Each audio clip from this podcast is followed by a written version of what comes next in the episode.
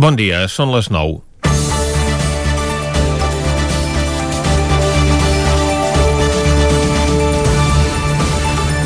Quan arriba aquesta època de l'any es comencen a decidir moltes coses i no estan ja decidides en l'àmbit esportiu.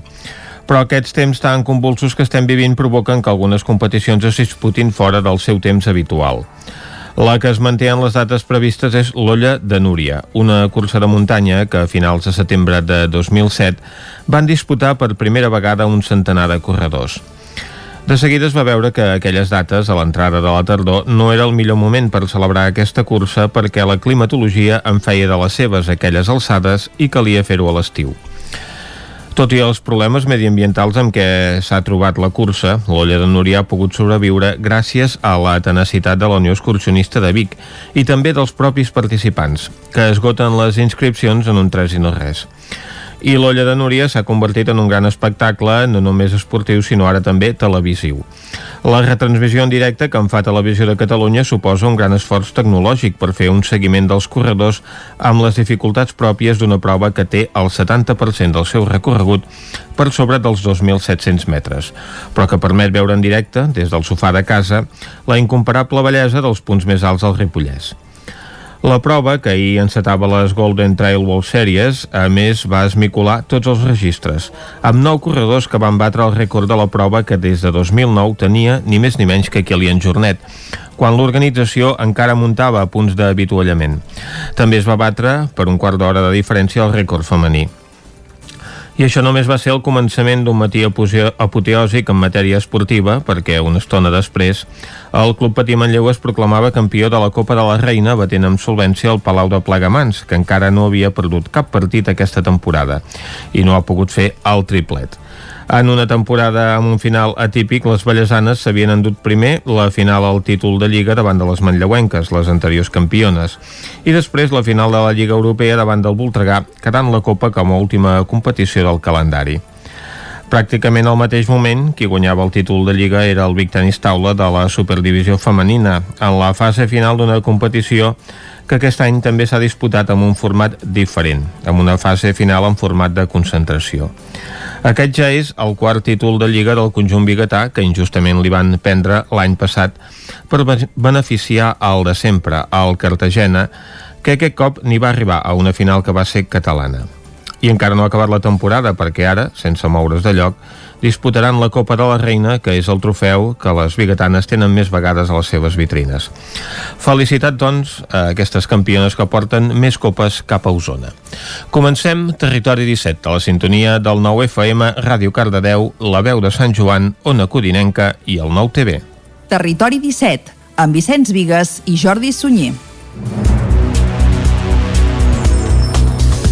Són les 9 i 3 minuts del dilluns dia 14 de juny de 2021. Comença ara mateix un nou Territori 17 que avui, com sempre, durant la primera hora us acostarà tota l'actualitat de les nostres comarques. Després, a partir de les 10, un nou butlletí informatiu, entrevista. Avui conversarem amb la diputada socialista Marta Moreta.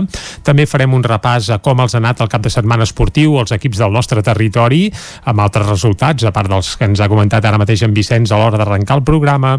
També coneixerem els solidaris amb Eloi Puigferrer. Avui ens acostarà l'actualitat de la Fundació Tutelar del Ripollès i per acabar farem tertúlia esportiva amb els nostres tertulians habituals. Tot això i moltes coses més des d'ara mateix i fins a les 12 del migdia, aquí, a Territori 17. I com sempre, el que fem per arrencar és posar-nos al dia fent un repàs a l'actualitat de les nostres comarques, l'actualitat de les comarques del Ripollès, Osona, el Moianès i el Vallès Oriental.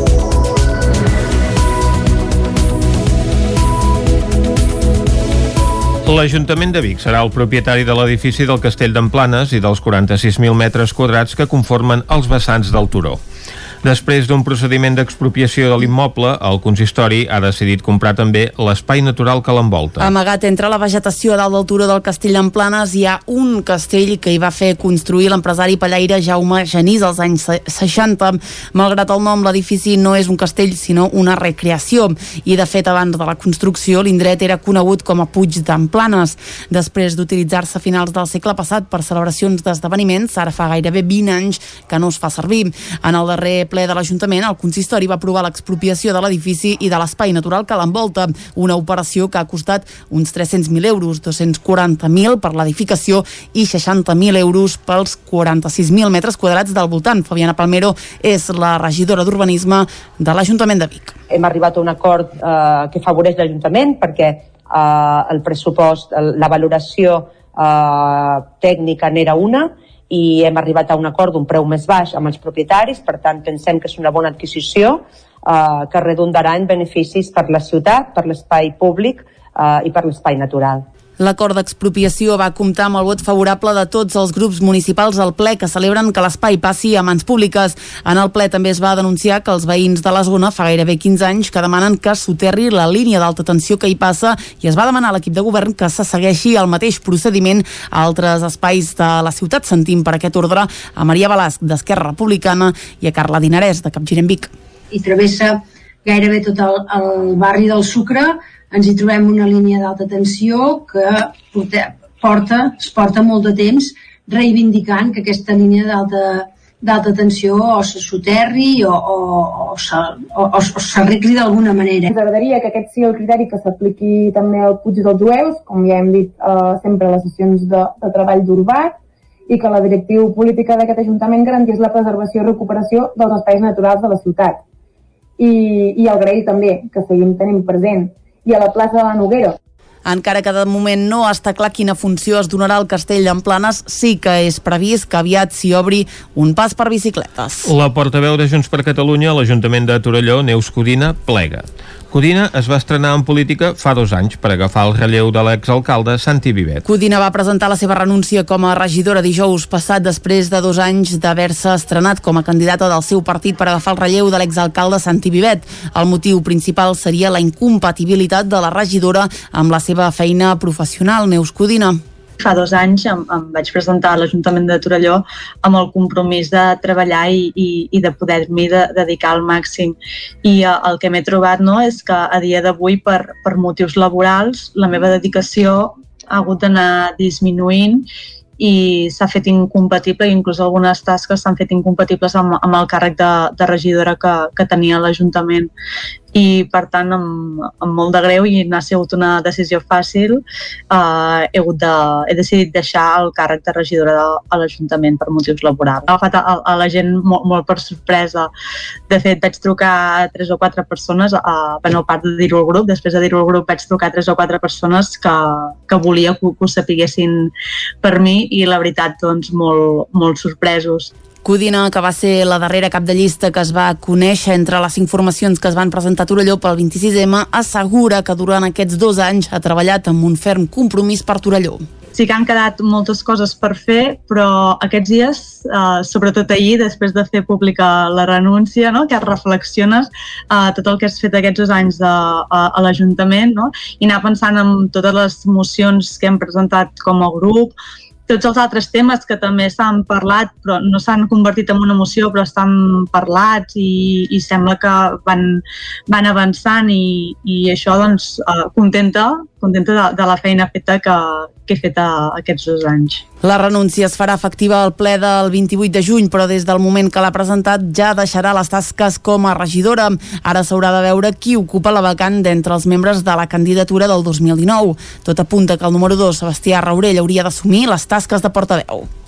Tres rescats de muntanya al Ripollès durant el cap de setmana per lesions lleus. Isaac Muntades, des de la veu de Sant Joan. Cap de setmana farcit de rescats a la muntanya al Ripollès, on els bombers de la Generalitat han hagut de fer tres actuacions per evacuar persones amb lesions lleus. El primer rescat es va produir aquest dissabte, quan el grup d'actuacions especials va sortir amb l'helicòpter per tal d'evacuar un excursionista de 58 anys, el qual s'havia fet mal al genoll a les afores de Caralps. En el moment de l'accident, l'home estava en un grup de tres persones. L'endemà, també a Caralps, però en aquest cas a la zona del Pla de Sallent de la Vall de Núria, els GRAE dels bombers van treballar en el rescat d'un excursionista ferida al Turmell. El cos d'emergència va rebre l'avís quan faltaven pocs minuts per dos quarts d'una del migdia. Allà van fer-li la primera detenció i tot seguit la van evacuar per fer després el transfert amb l'ambulància al servei d'emergències mèdiques. El tercer rescat es va produir a Camp de Bànol quan passaven 5 minuts de dos quarts de dues de la tarda. Es van activar dues dotacions dels bombers per atendre un excursionista ferida al Turmell mentre feia la ruta als set gorgs al torrent de la Cabana. Els bombers van acompanyar-la fins a l'inici de la ruta on l'esperava explicaven els sanitaris del SEM. Divendres a la nit, un jove de 27 anys, veí de Cardedeu, va perdre la vida en un accident frontal de cotxes a Sant Agnès de Malanyanes. David Oladell, de Ràdio Televisió Cardedeu. L'accident es va produir divendres al vespre al quilòmetre 5 de la carretera de Cardedeu a la Roca per Sant Agnès de Malanyanes. Va ser als voltants de les 10 de la nit quan dos vehicles van patir xoc frontal. El jove de 27 anys, veí de Cardedeu, va morir al lloc dels fets al cap de poc de ser excarcerat pels bombers de la Generalitat de Catalunya.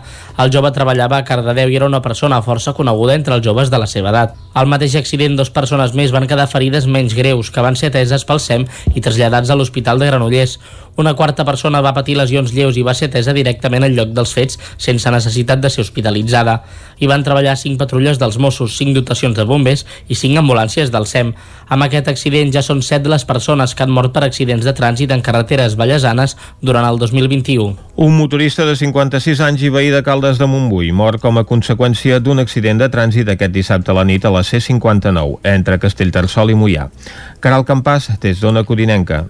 El sinistre, segons ha informat Trànsit, es va produir dissabte a la nit al punt quilomètric 37 de la C-59, concretament la darrera recta de la via, abans d'arribar a la capital del Moianès, quan per causes que s'estan investigant, una motocicleta i una furgoneta van topar frontalment.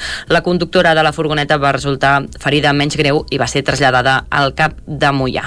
L'accident es va produir quan passaven pocs minuts de dos quarts de deu del vespre i va obligar a tallar la via en els dos sentits de la marxa fins les 12 de la nit al lloc de l'accident s'hi van desplaçar dues patrulles de Mossos d'Esquadra, dues dotacions de bombers i dues ambulàncies del SEM.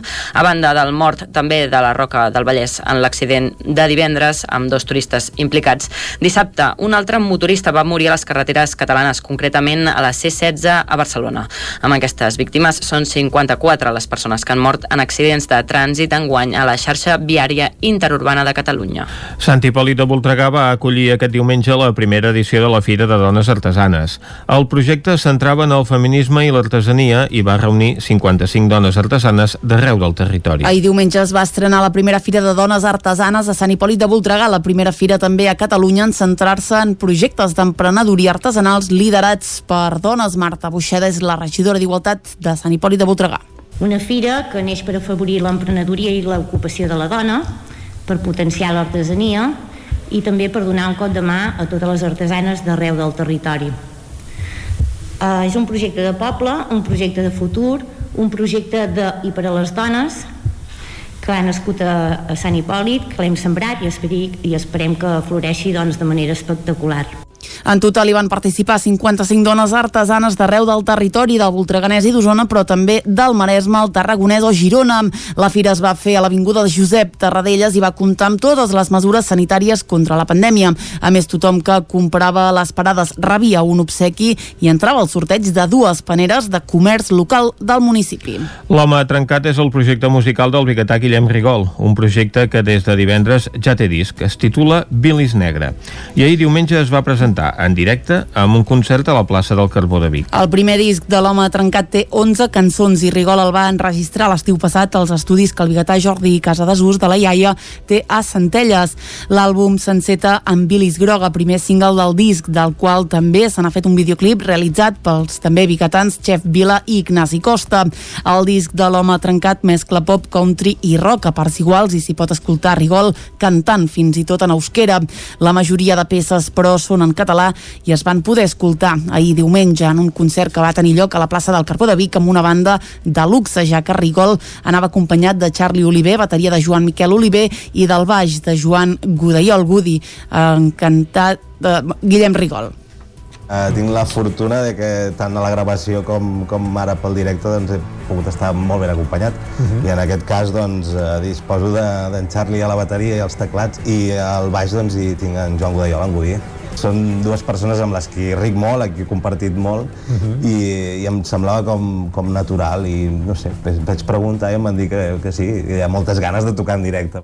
Joan Godaiol Gudi, volíem dir, ex-cantant de Cardafàstic. Ara sí, la voluntat de l'home trencat és presentar el seu nou disc, Bilis Negre, a tants escenaris com sigui possible durant tot el que queda de l'any 2021. La revista cultural La Tortuga avui commemora 100 portades des de la seva creació digital amb una exposició a la Sala d'Elguer de Caldes de Montbui. Caral Campàs, des d'Ona Codinenca. La revista cultural La Tortuga Avui de Caldes ja ha publicat 100 portades en format digital, una fita que commemora amb una exposició retrospectiva a la sala del G. 100 números, 100 portades es va inaugurar aquest dissabte amb un acte on van assistir col·laboradors de la publicació. La mostra es podrà visitar fins al 27 de juny en l'horari habitual de la sala. Després d'impulsar La Tortuga com a butlletí informatiu al juliol de 1976 i evolucionar cap al format revista, el 1992 es va deixar d'editar. Un grup de persones que havien cap capitanejat la revista durant els últims anys, van tornar a coincidir temps més tard i van decidir reemprendre la publicació, però només en format digital i canviant el nom a La Tortuga Avui per poder tenir el domini web. Estrenant-se amb el primer número el 23 d'abril del 2012, la publicació ha tingut format mensual fins a hores d'ara, excepte els mesos d'agost que no ha sortit. Sentim Antoni Font, president de l'Associació Cultural La Tortuga a, a la revista ha guanyat un, un rigor perquè doncs, ara surt eh, cada mes, a principis de mes surt, surt amb, amb molt bona qualitat, eh, modestament penso, uh -huh. i aleshores eh, eh, tenim la sort de, que, de tenir uns, uns magnífics col·laboradors, no? Tothom ho fa desinteressadament, el president de l'associació ha explicat que a partir del pròxim número es vol redissenyar la capçalera i les pàgines interiors. L'eix central de la revista són la cultura, la llengua i la història catalanes. Si bé inicialment se centrava en l'àmbit local, actualment ha ampliat el seu radi d'acció. L'encarregat de la part gràfica és el fotògraf Kim Deskens, qui durant la inauguració va destacar la vinculació de les portades amb l'actualitat. Les portades exposades a la mostra es troben a la venda i serviran per recaptar ingressos per la publicació. I fins aquí el butlletí informatiu que us hem ofert amb Vicenç Vigues, Clàudia Dinarès, David Auladell, Caral Campàs i Isaac Muntades. Ara, una ullada al temps.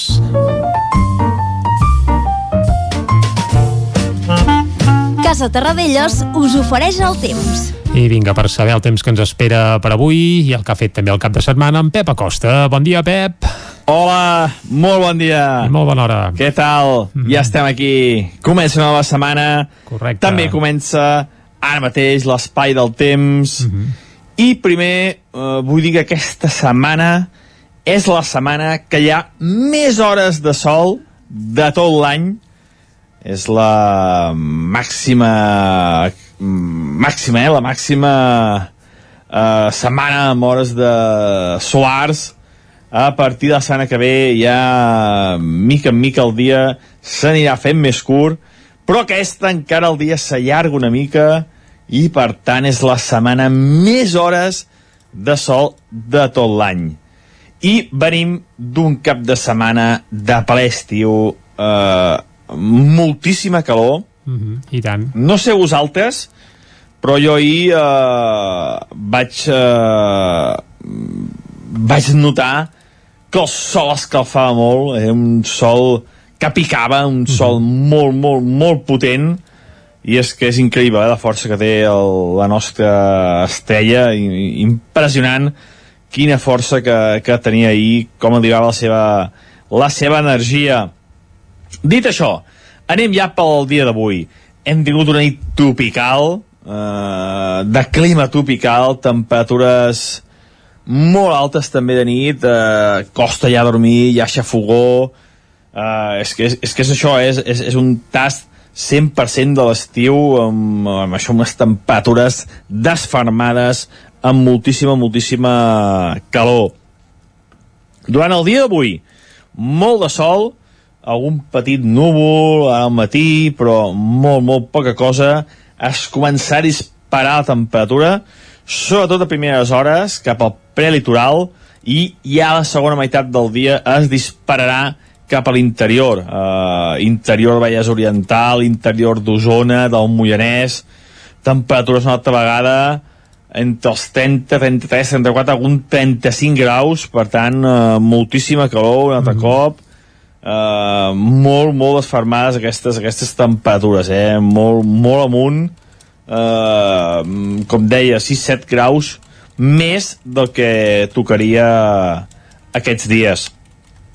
De cara a la tarda, l'única novetat és que les tempestes creixeran més força, les nuvolades tenen les condicions perquè puguin créixer més, hi ha molta energia, es va acumular molta energia eh, i una petita, una petitíssima entrada d'aire fred eh, fa que les nuades es disparin. Uh -huh. Afectaran sobretot el Ripollès i també el nord d'Osona. Eh, el Mollanès, cap al Vallès arribaran aquestes nuades en forma d'enclusa. És quan les nuvolades ja no poden créixer més eh, cap a, cap a límits de l'atmosfera, eh, els núvols ja no poden créixer eh, més quilòmetres eh, amunt, i es dissipen els núvols i arribaran en forma d'enclusa cap a aquestes comarques del Vallès Oriental i del Moianès. El Vallès i el Moianès sense precipitació, sí que el Ripollès i el nord d'Osona eh, poden caure aquestes tempestes i poden ser eh, localment eh, una mica abundants, eh? sobretot eh, al Ripollès poden caure entre 15 a 20 litres i hi haurà alguna tempesta una mica forta, localitzada una mica forta. I això és tot, uh, disfrutar el dia d'avui, un dia de moltíssima calor, la gent que li agrada calor està de bona, la gent que no li agrada calor mm, s'ha d'aguantar, és el que toca. Quin remei, tot, sí, sí. moltes, moltes coses a la vida, doncs avui els que no li agrada la calor ho hem de- d'aguantar, i això eh, a disfrutar el dia, del dia d'avui i de la setmana que fins dimecres es presenta molt calorosa a partir de dimecres hi haurà canvis. Adeu. Doncs vinga, Pep, moltes gràcies. Estarem al cas de l'evolució dels canvis que ens augures ja de cara a dimecres i mentrestant ens aguantarem. I ara anem cap al quiosc. Casa Tarradellas us ha ofert aquest espai. Territori 17. Comencem el recull de les portades del dia, Clàudia, amb el 9-9.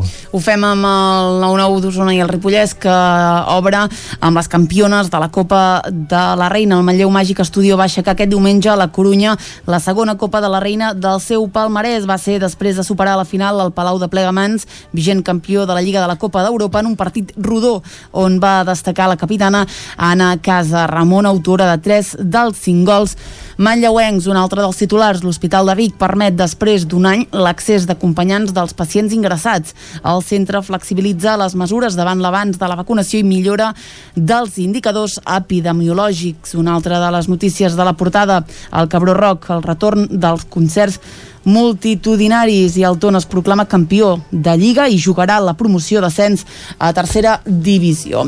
Anem a l'edició del Vallès Oriental que obre amb l'impacte social de la Covid. Diu la pandèmia va fer augmentar els usuaris de Càritas l'any passat. Uh, males notícies, un jove de Cardedeu de 27 anys i un home de Caldes de 56 moren en dos accidents. El jove va morir en una topada frontal a la Roca i l'home a Mollà. Més titulars, l'Associació Catalana de Premsa Comarcal premia el 99.cat.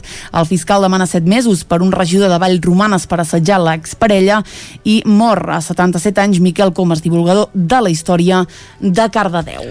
Anem a veure què diuen els portat, eh, les portades dels diaris catalans. Anem al punt avui que obre amb aquesta imatge de Colón ja us aviso que és el tema del dia diu la dreta fa llufa a Colón la manifestació a Madrid contra els indults dels presos suma 25.000 participants la meitat d'ara fa dos anys contra el diàleg amb Catalunya avui al punt entrevisten a Gemma Geis consellera de Recerca i Universitats que diu per mi l'1 d'octubre va ser un mandat polític cap a la independència el despoblament posa en risc almenys 200 pobles catalans i Juan Espadas pren el PSOE andalús a Susana Díaz.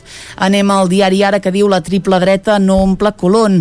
La concentració contra els indults reuneix només 25.000 persones a la capital de l'Estat. Avui a l'Ara entrevisten a Ernesto Ekaizer que diu Felip VI era beneficiari de fons a l'estranger durant el 3 d'octubre i Netanyahu és un altre dels titulars del dia perd el poder a Israel després de 12 anys. Anem al periòdico que diu valor d'oxigen a Sánchez abans d'encarar els indults. Uh, veiem uh, un altre cop aquesta plaça de Colón, Vox copa la deslluïda protesta de la madrilenya plaça de Colón, Espades arrabassa el poder del PSOE andalús a Díaz i Podem segueix el guió i Belarra relleva a Iglesias. Serien una mica les tres notícies del cap de setmana. Anem a l'avantguàrdia que diu una dreta dividida i menys mobilitzada clama contra els indults. Díaz Ayuso qüestiona el paper del rei i es pregunta sobre la seva possible complicitat en la concessió d'un perdó que depèn del govern. La mare d'aquestes nenes desaparegudes, Anna i Olivia, diu m'ha deixat viva perquè pateixi de per vida. Juan Espada Terrades guanya Susana Díaz i serà el candidat del PSOE andalús i Belarra releva a Iglesias, a Podem, amb el 86% dels vots a favor. Anem a veure com veuen la manifestació d'ahir les portades als diaris de Madrid. Anem al país que obre amb les notes de Villarejo, unes notes que impliquen a Cospedal en pagaments irregulars. Uh, obro cometes, uh, segons sembla, doncs aquesta seria una de les pistes de Villarejo. Diu Cospe, dos punts, suport a tope en tot. M'envia a Horti amb 100. Aquesta seria una de les notes que implicarien a Cospedal. En fi, la dreta marxa contra els indults però evita ajuntar-se, està parlant d'aquesta manifestació d'ahir de Colón i Israel forma un govern que enterra 12 anys de Netanyahu. El Mundo no als indults. La manifestació de Madrid desborda les expectatives i llança un avís a Pedro Sánchez. Espadas guanya a Díaz i Sánchez controlarà el PSOE a Andalusia i el Parlament israelí aparta Netanyahu després de 12 anys al poder. Anem en la mateixa direcció, eh? La Razón diu no som l'ultradreta, som només demòcrates. La manifestació de Colón es va convertir en un crit contra el govern de Sánchez. Pel que fa a Andalusia, Sánchez torna a derrotar a Díaz, el seu candidat a raça a les primàries, i polèmica a Europa per la vacunació als adolescents. Acabem, com sempre, amb l'ABC, que diu clamor contra l'entrega de Sánchez de l'independentisme.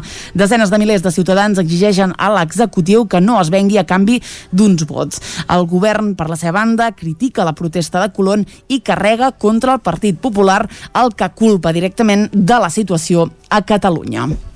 Els diaris de Madrid, doncs, que ofereixen una visió diferent d'aquest acte ahir a la plaça de Colón a Madrid que no pas als diaris catalans. De fet, la majoria de portades madrilenyes opten per un pla curt fet amb el teleobjectiu, mentre que només a la Razón eh, doncs hi veiem un pla general, també és aquesta la fotografia que apareix a la portada del periòdico i de l'Ara, segons l'Ara 25.000 assistents en aquesta manifestació, 125.000 segons la policia local de Madrid a la Razón. Nosaltres ara fem una pausa.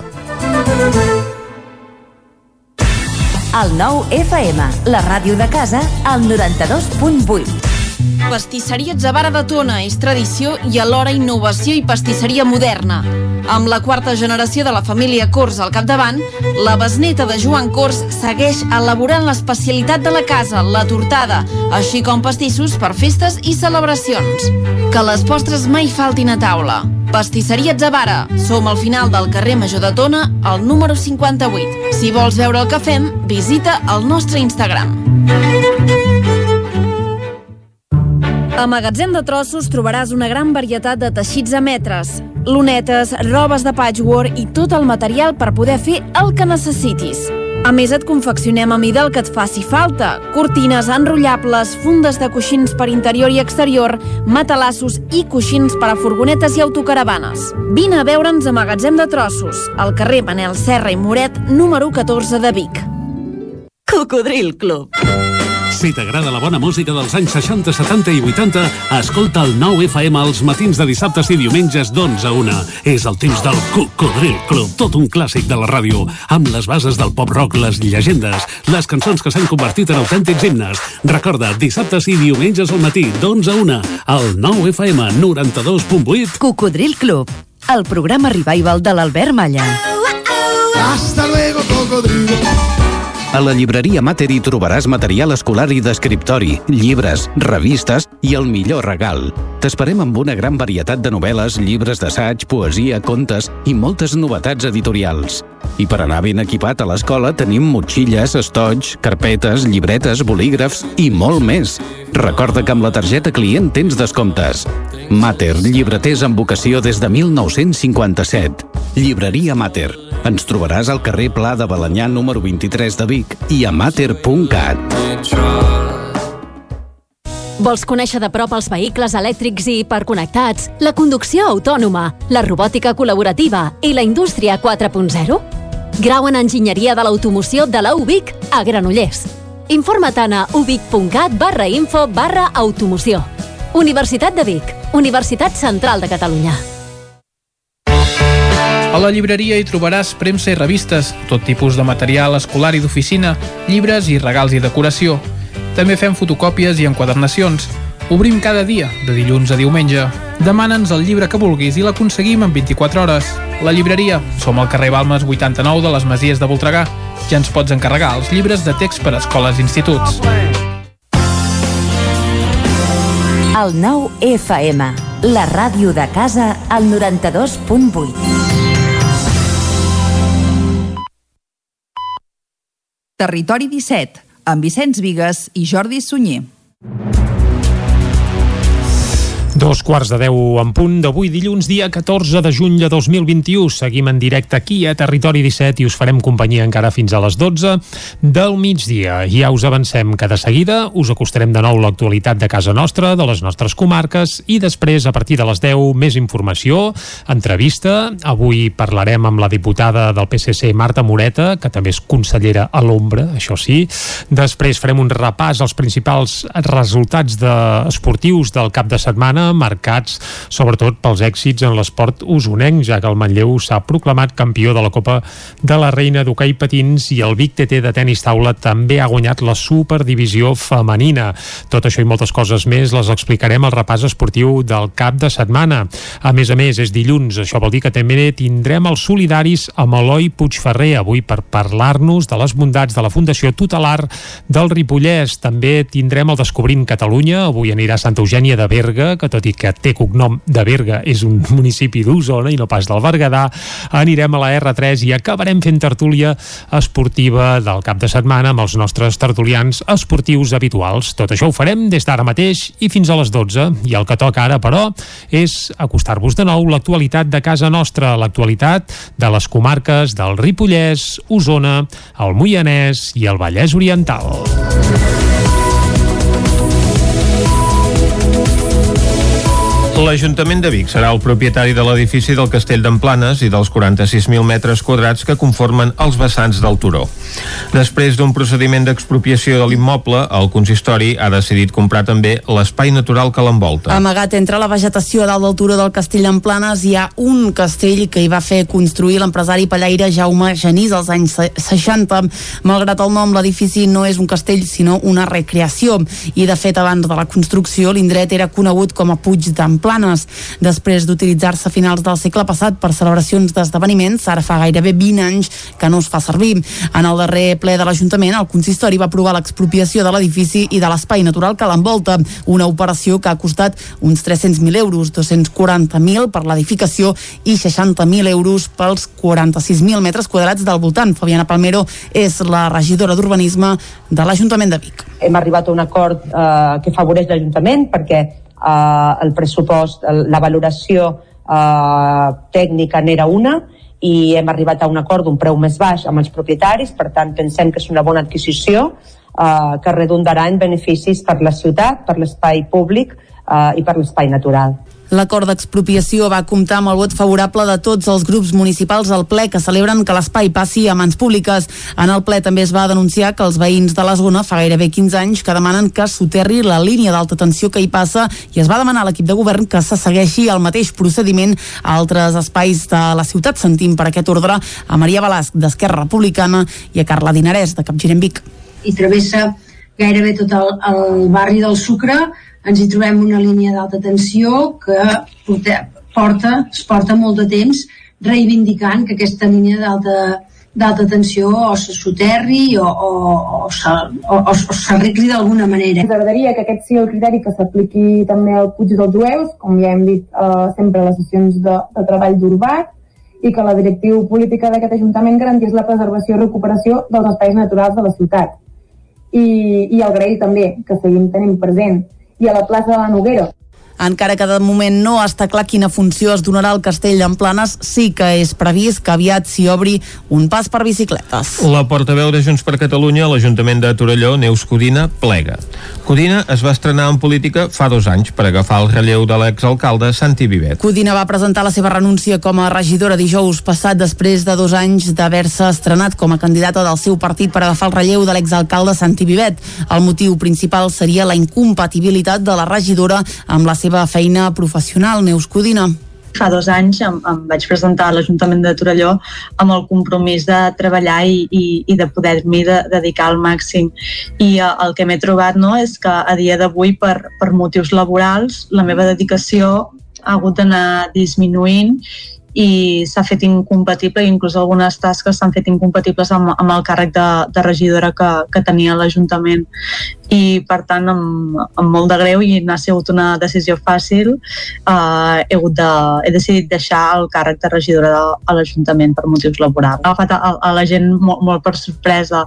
De fet, vaig trucar a tres o quatre persones, a, bueno, a part de dir-ho al grup, després de dir-ho al grup vaig trucar a tres o quatre persones que, que volia que, que ho sapiguessin per mi i la veritat, doncs, molt, molt sorpresos. Codina, que va ser la darrera cap de llista que es va conèixer entre les informacions que es van presentar a Torelló pel 26M, assegura que durant aquests dos anys ha treballat amb un ferm compromís per Torelló. Sí que han quedat moltes coses per fer, però aquests dies, eh, sobretot ahir, després de fer pública la renúncia, no? que reflexiones eh, tot el que has fet aquests dos anys de, a, a l'Ajuntament no? i anar pensant en totes les mocions que hem presentat com a grup, tots els altres temes que també s'han parlat però no s'han convertit en una emoció però estan parlats i, i sembla que van, van avançant i, i això doncs eh, contenta contenta de, de la feina feta que, que he fet a, aquests dos anys. La renúncia es farà efectiva al ple del 28 de juny, però des del moment que l'ha presentat ja deixarà les tasques com a regidora. Ara s'haurà de veure qui ocupa la vacant d'entre els membres de la candidatura del 2019. Tot apunta que el número 2, Sebastià Raurell, hauria d'assumir les tasques de portaveu. Tres rescats de muntanya al Ripollès durant el cap de setmana per lesions lleus. Isaac Muntades, des de la veu de Sant Joan. Cap de setmana farcit de rescats a la muntanya al Ripollès, on els bombers de la Generalitat han hagut de fer tres actuacions per evacuar persones amb lesions lleus. El primer rescat es va produir aquest dissabte, quan el grup d'actuacions especials va sortir amb l'helicòpter per tal d'evacuar un excursionista de 58 anys, el qual s'havia fet mal al genoll a les afores de Caralps. En el moment de l'accident, l'home estava en un grup de tres persones. L'endemà, també a Caralps, però en aquest cas a la zona del Pla de Sallent de la Vall de Núria, els GRAE dels bombers van treballar en el rescat d'un excursionista ferida al Turmell. El cos d'emergència va rebre l'avís quan faltaven pocs minuts per dos quarts d'una del migdia. Allà van fer-li la primera detenció i tot seguit la van evacuar per fer després el transfert amb l'ambulància al servei d'emergències mèdiques. El tercer rescat es va produir a Camp de Bànol quan passaven 5 minuts de dos quarts de dues de la tarda. Es van activar dues dotacions dels bombers per atendre un excursionista ferida al Turmell mentre feia la ruta als set gorgs al torrent de la Cabana. Els bombers van acompanyar-la fins a l'inici de la ruta on l'esperaven els sanitaris del SEM. Divendres a la nit un jove de 27 anys veí de Cardedeu va perdre la vida en un accident frontal de cotxes a Sant Agnès de Malanyanes. David Oladell de Ràdio Televisió Cardedeu. L'accident es va produir divendres al vespre al quilòmetre 5 de la carretera de Cardedeu a la Roca per Sant Agnès de Malanyanes. Va ser als voltants de les 10 de la nit quan dos vehicles van patir xoc frontal. El jove de 27 anys, veí de Cardedeu, va morir al lloc dels fets al cap de poc de ser excarcerat pels bombers de la Generalitat de Catalunya. El jove treballava a Cardedeu i era una persona força coneguda entre els joves de la seva edat. Al mateix accident, dos persones més van quedar ferides menys greus, que van ser ateses pel SEM i traslladats a l'Hospital de Granollers. Una quarta persona va patir lesions lleus i va ser atesa directament al lloc dels fets sense necessitat de ser hospitalitzada. Hi van treballar cinc patrulles dels Mossos, cinc dotacions de bombers i cinc ambulàncies del SEM. Amb aquest accident ja són set les persones que han mort per accidents de trànsit en carreteres ballesanes durant el 2021. Un motorista de 56 anys i veí de Caldes de Montbui mor com a conseqüència d'un accident de trànsit aquest dissabte a la nit a la C59 entre Castellterçol i Mollà. Caral Campàs, des d'Ona Codinenca. El sinistre, segons ha informat Trànsit, es va produir dissabte a la nit al punt quilomètric 37 de la C59, concretament la darrera recta de la via, abans d'arribar a la capital del Moianès, quan per causes que s'estan investigant, una motocicleta i una furgoneta van topar frontalment. La conductora de la furgoneta va resultar ferida menys greu i va ser traslladada al cap de Mollà. L'accident es va produir quan passaven pocs minuts de dos quarts de deu del vespre i va obligar a tallar la via en els dos sentits de la marxa fins les 12 de la nit nit. Al lloc de l'accident s'hi van desplaçar dues patrulles de Mossos d'Esquadra, dues dotacions de bombers i dues ambulàncies del SEM. A banda del mort també de la Roca del Vallès en l'accident de divendres amb dos turistes implicats. Dissabte, un altre motorista va morir a les carreteres catalanes, concretament a la C-16 a Barcelona. Amb aquestes víctimes són 54 les persones que han mort en accidents de trànsit enguany a la xarxa viària interurbana de Catalunya. Sant Hipòlit de Voltregà va acollir aquest diumenge la primera edició de la Fira de Dones Artesanes. El projecte centrava en el feminisme i l'artesania i va reunir 55 dones artesanes d'arreu del territori. Ahir diumenge es va estrenar la primera Fira de Dones Artesanes a Sant Hipòlit de Voltregà, la primera fira també a Catalunya en centrar-se en projectes d'emprenedoria artesanals liderats per dones. Marta Buixeda és la regidora d'Igualtat de Sant Hipòlit de Voltregà. Una fira que neix per afavorir l'emprenedoria i l'ocupació de la dona, per potenciar l'artesania i també per donar un cop de mà a totes les artesanes d'arreu del territori. Uh, és un projecte de poble, un projecte de futur, un projecte de i per a les dones que ha nascut a, a Sant Hipòlit, que l'hem sembrat i, esperi, i esperem que floreixi doncs, de manera espectacular.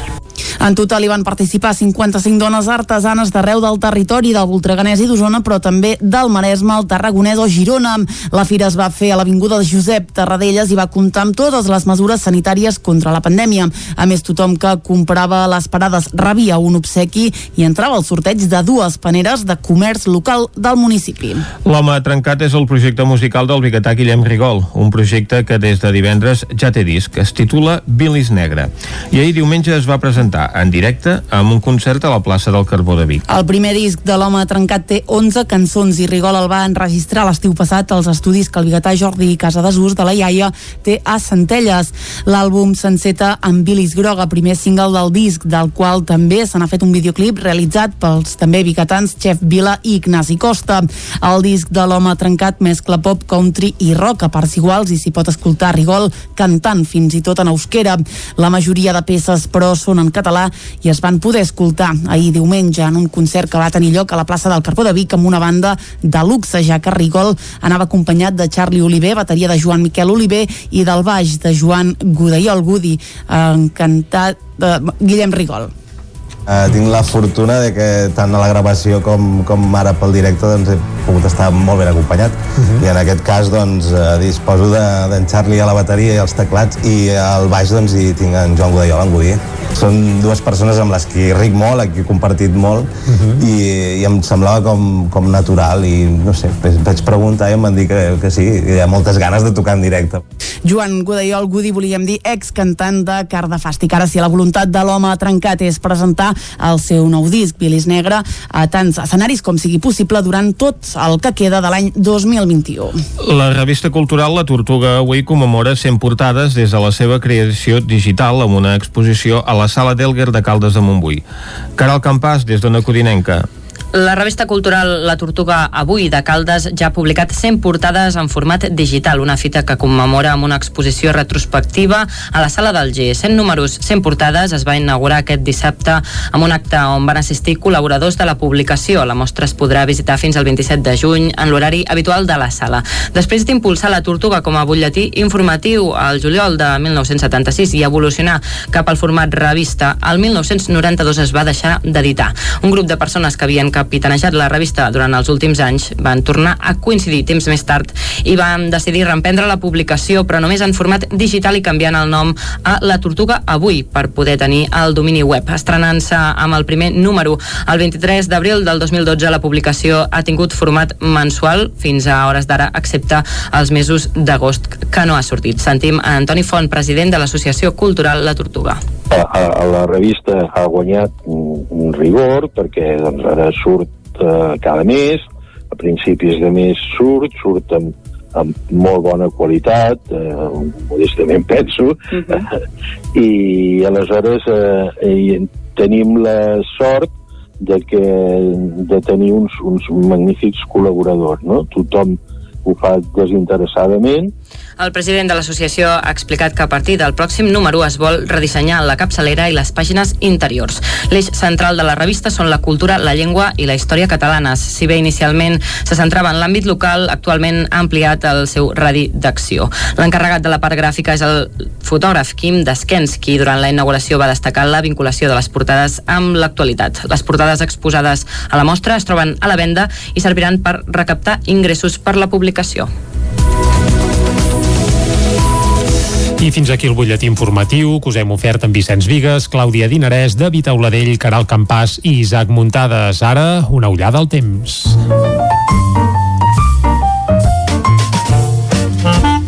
Casa Terradellos us ofereix el temps.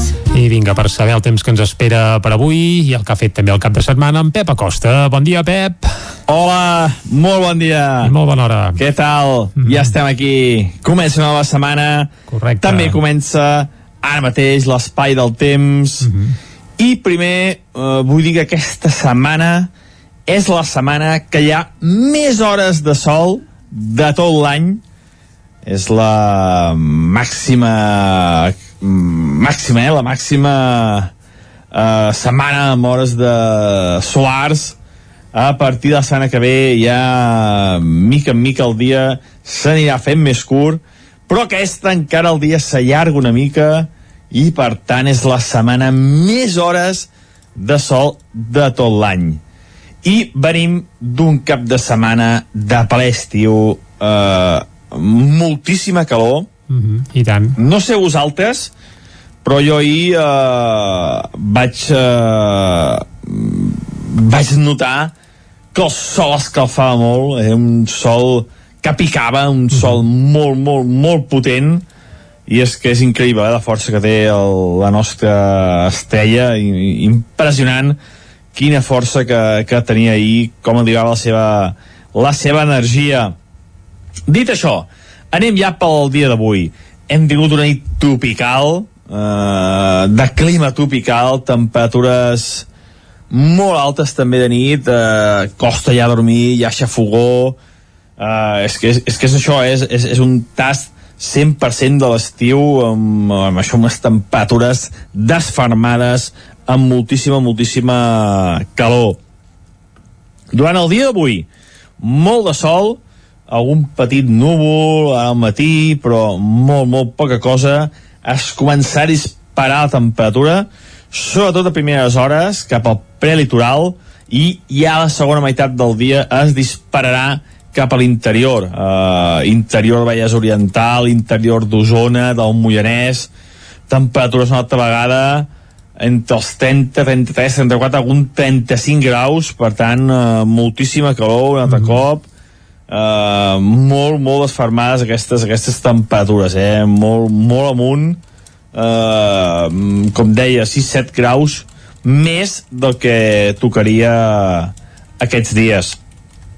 De cara a la tarda, l'única novetat és que les tempestes creixeran més força, les nuvolades tenen les condicions perquè puguin créixer més, hi ha molta energia, es va acumular molta energia, eh, i una petita, una petitíssima entrada d'aire fred eh, fa que les nuvolades es disparin. Uh -huh.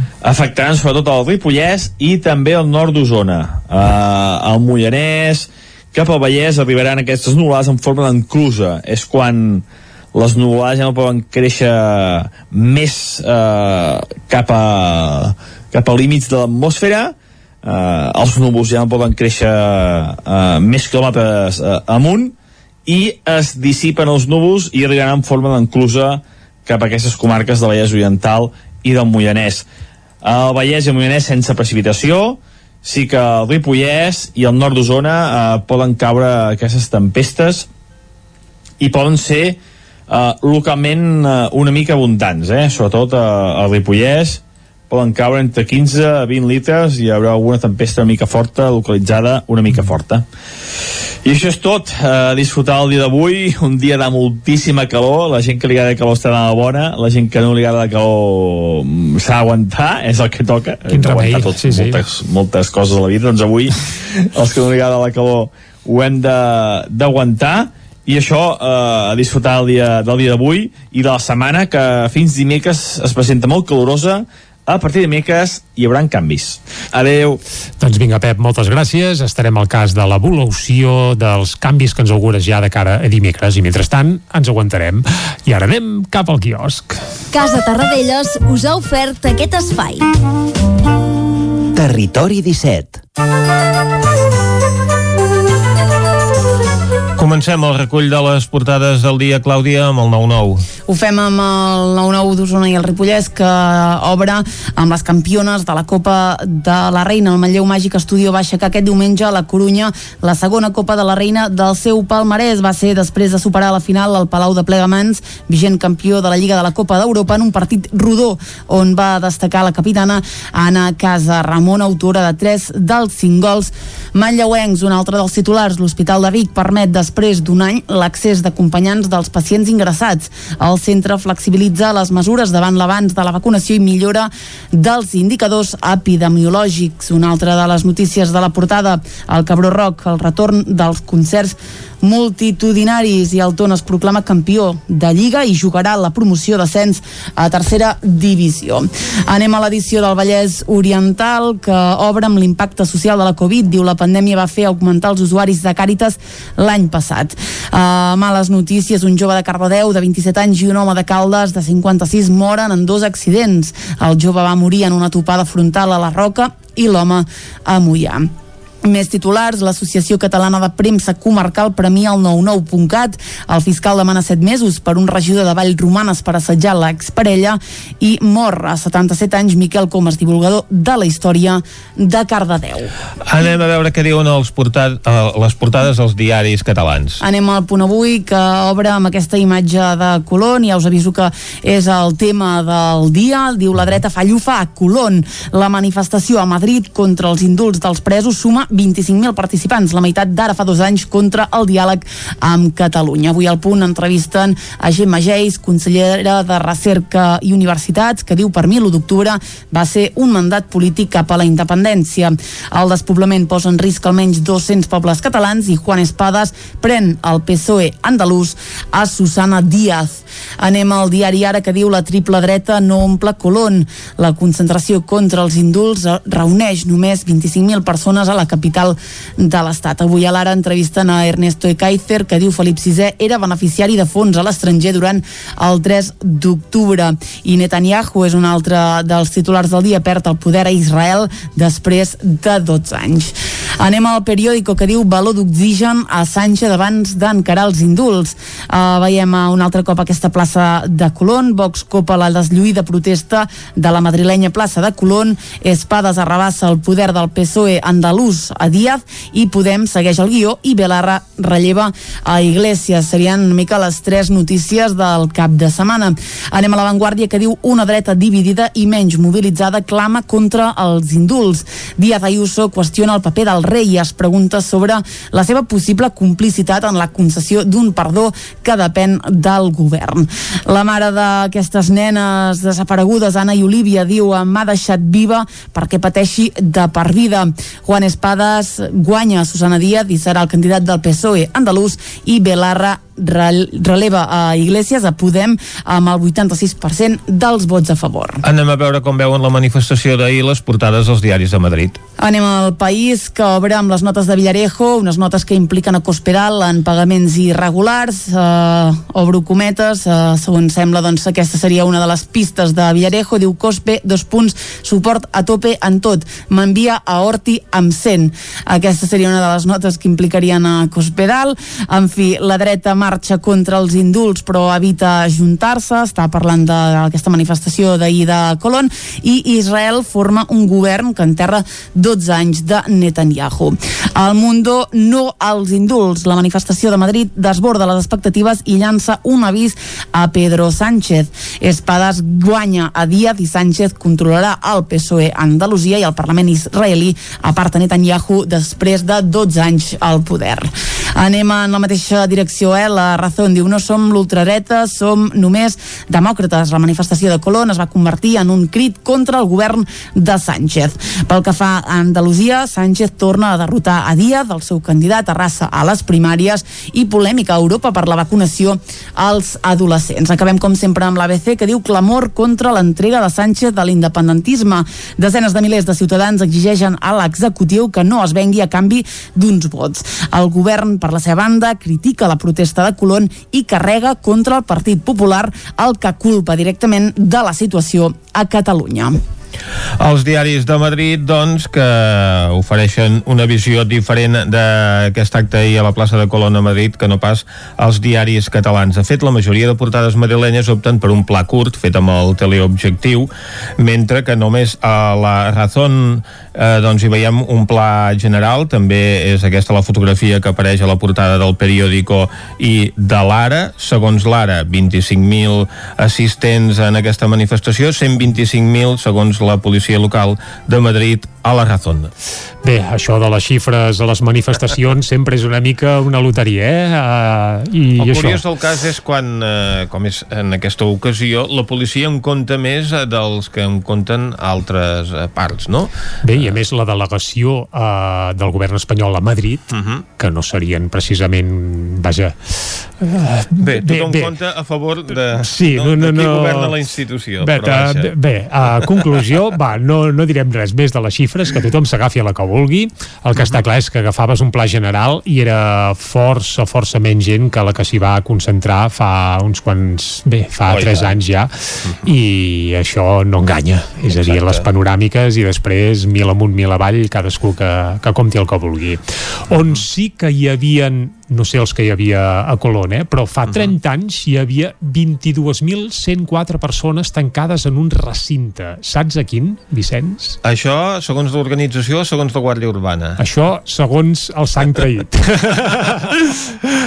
que, que bé, que van, van fer un àlbum en directe d'aquell concert, estem parlant del mític concert del Palau Sant Jordi eh, que va, entre cometes, per alguns, sobretot per la gent de Barcelona, els va fer descobrir el fenomen del rock català. Uh -huh. Aquell mític concert al Palau Sant Jordi va ser un 14 de juny de fa 30 anys, com passa Mare el temps uh, és ben bé que, que ens fem grans perquè els que encara recordem aquell concert doncs vol dir que, que Sí, això, esclar. que ja hi érem i que ja teníem una mica d'ús de raó aquelles èpoques, per tant uh, Sau hi presentava quina nit. Correcte, Sau hi presentava Quina nit, Sang Traït també hi va tocar, també hi van actuar el Sopa de Cabra i també hi van actuar els Pets. I en aquell concert al Palau Sant Jordi es va fer un rècord, aleshores, era un rècord europeu de capacitat en un recinte tancat en un concert, és a dir, mai s'havien aplegat tantes persones en un recinte tancat per seguir un concert. Eren 22.104 persones. Ara seria impossible. Sí, evidentment, amb les normatives d'aforament pandèmiques, uh -huh. Això seria del tot impensable. No, i, i prepandèmiques eh, fins i tot no, Sí, perquè- no es permetria posar 22.000 persones al Palau Sant No, Jordi. això, això és ben cert. Però bé, aquelles, aquelles èpoques sí valia. I avui, doncs, per celebrar o per commemorar o per recordar, sobretot, doncs, que ja fa això, fa tres dècades d'aquell mític concert, doncs hem repescat una cançó, a més a més, enregistrada aquell dia, eh? I com que el Sau també estan d'enhorabona perquè estan celebrant els 30 anys del Quina nit, ja fa, és 30 més 1, eh? perquè ja fa un any que gairebé, però clar, amb això de la pandèmia els aniversaris tots van una mica així a trompicons, doncs bé, hem repescat el No he nascut per militar, una cançó que aleshores encara hi havia servei militar obligatori. Uh -huh. això també per les noves generacions es fa estrany de, de pensar, però és que aleshores eh, els joves que feien 18 anys havien d'anar a fer el servei militar. Sí o sí. Sí o sí.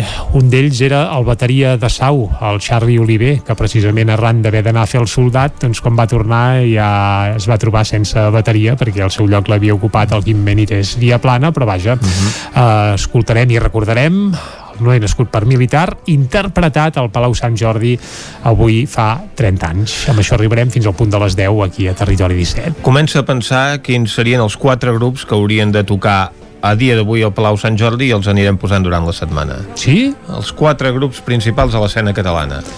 Uf, Ah, és complicat això. Sí, en només 4 avui dia seria complicat, eh? Aleshores I- i podria un- estar més clar. I, I un o dos d'ells podrien repetir en aquesta llista. Mm, bé, això seria relatiu. Però bé, uh, va, ho anirem pensant durant la setmana. Va, vinga. Ara no és nascut per militar amb el Sau, amb aquesta gravació repescada de la discoteca de fa 30 anys, amb 22.104 persones cantant. Coita'ls.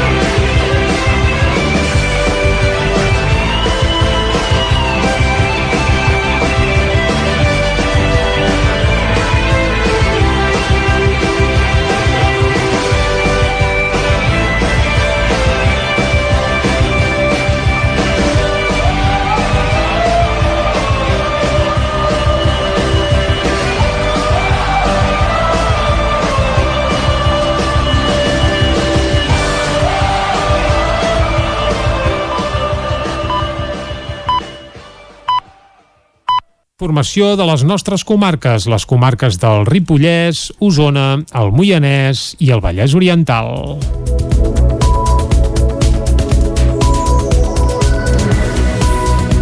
L'èxit del bicibús a Osona es podria reproduir el curs vinent a molts altres indrets de Catalunya. És la premissa que ha portat a Canvis en Cadena a engegar una campanya de micromecenatge per estendre el projecte arreu del país. Arribar a l'escola en bicicleta s'ha convertit en el gran al·licient dels divendres al Petit Miquel, una escola de Vic on ha arrelat amb molta força el bicibús. Segons Helena Vilardell, fundadora de Canvis en Cadena, participar al bicibús permet als infants canviar d'hàbits i alhora ser més autònoms. Com ho viuen els infants? Uh, estan engrescadíssims. Hi ha moltes famílies que eren reticents a, al canvi, reticents a venir, i perquè justament es pensaven que, ostres, treure la bicicleta de casa i, no, i agafar-la i potser no, arribar tard, doncs era, era un hàndicap, no? i sobretot el fred. I justament els infants uh, són, no, els, nosaltres en diem que són els màxims influencers al motor, perquè passa justament al contrari. Arriben molt d'hora, uh, justament no, abans, abans de la parada i tot, uh, es tenen la roba preparada, la bicicleta a punt, l'encadenat, són molt responsables, autònoms, i soc mestra i quan arriben a l'aula és que no té punt de comparació els infants que arriben a peu o en bicicleta que no pas el, els que arriben amb cotxe, no? A la capital usonenca, el Bicipús mobilitza cada divendres més de 200 infants. A Sant Julià de Vilatorta, prop d'un centenar. Conscients que el cas d'èxit a Osona es pot reproduir a molts altres indrets de Catalunya, Canvis en Cadena ha posat en marxa una campanya de micromecenatge. L'objectiu és crear una plataforma digital gratuïta i oberta a partir del setembre del 2021 per totes les comunitats educatives que vulguin impulsar i dinamitzar un bicibús. Ho detalla Eduard Folk, membre de Canvis en Cadena i d'Osona en Bici. Hi ha moltes AFAs i AMPAs de, de Catalunya que ens estan demanant informació per començar un, un bicibús i l'objectiu d'aquest crowdfunding és preparar una plataforma perquè totes aquestes comunitats educatives puguin accedir-hi i tinguin una guia, tinguin vídeos, ho tinguin tot superben documentat per poder iniciar aquest, aquest projecte. I a més a més nosaltres acompanyarem a 20 escoles on els hi farem una, una sessió online de resolució de dubtes i a més a més els hi donarem accés a, a una aplicació que és la que utilitzem per, per gestionar el projecte, les línies, les inscripcions. Des de Canvis en Cadena celebren l'acollida que ha tingut la campanya que en les primeres 24 hores va reunir prop de 3.000 euros. El repte, però, és arribar als 7.800. La policia local de Torelló va detenir divendres a la matinada dos individus que presumptament havien entrat a robar a la nau dels carrossaires. Les alarmes de la nau es van disparar poc després de dos quarts de quatre de la matinada i en arribar-hi la policia local de Torelló va observar la presència de dos homes als quals van identificar. Després de comprovar que les petjades localitzades a l'interior de l'edifici corresponien amb les soles de les sabates d'un dels individus i que cap dels dos no feia cas a les indicacions dels agents i se'ls faltés el respecte repetidament, la policia els va detenir per tentativa de robatori amb força i en el cas d'un d'ells per amenaces a un agent de l'autoritat. Posteriorment se'ls va traslladar a dependències dels Mossos d'Esquadra on, van, on continuen amb les dirigències. A la nau només s'hi van registrar alguns danys de poca consideració. Alumnes de Cardedeu participen en una acció de recuperació d'amfibis al Parc de la Serreta, ampliant basses i canals d'arribada de l'aigua. David Auladell, de Ràdio Televisió Cardedeu. Alumnes de l'Institut El Sui de Cardedeu han participat en una activitat per protegir i conservar els amfibis i els seus hàbitats. Amb l'acompanyament del personal de la Societat Catalana d'Herpetologia han col·laborat en el projecte Amfíbia, que ha consistit en una primera part d'aprenentatge a l'aula i en una segona de pràctiques per estudiar i conservar aquest grup de fauna tan amenaçat. Durant tot el matí de dimecres, l'alumnat i el personal de la Societat Catalana d'Herpetologia van restaurar i millorar dues basses petites del Parc de la Serreta, situades a banda i banda del tobogan i prop de l'amfiteatre. Aquestes basses temporals fins ara no tenen prou superfície ni fundària per acollir amfibis. L'acció va consistir en l'ampliació de les basses i la millora dels canals per on arriba l'aigua creant un hàbitat perquè s'hi puguin reproduir. L'actuació està considerada una SBN, solucions basades en la natura, en la qual, al mateix temps que es resol un problema de drenatge de la zona superior de la serreta, es crea un nou hàbitat d'idoni per la reproducció dels amfibis. La manlleuenca Antònia Forn va fer 107 anys divendres passat. En aquests moments és la dona més gran de la comarca. Forn va néixer l'11 de juny de 1914 a Llo, a la Catalunya Nord, i durant el seu periple vital ha viscut a Alp, Campdevànol, Lleida, Torelló i finalment Manlleu, on es va establir a partir de l'any 1958. Vídua d'Agustí Palomares, amb qui es va casar l'any 1937, és mare del popular Agustí Palomares del Mallot de la Margot, propietari d'una emblemàtica botiga de discos de Manlleu que va tancar fa uns anys, precisament per jubilació. Delicada de salut, però molt clara de cap, encara viu a casa seva, tot i que ja en surt molt poc. Fins ara també havien arribat als 107 anys les usonenques Antònia Carrillo i Rosa Vila, tot i que el rècord de longevitat el manté el rodenc Mingo Parramon, que va morir al febrer del 2019 amb 109 anys complerts. Esports. Estian Angermon i Mot Matís s'imposen en l'olla de Núria de rècord. Isaac Muntades, des de la veu de Sant Joan.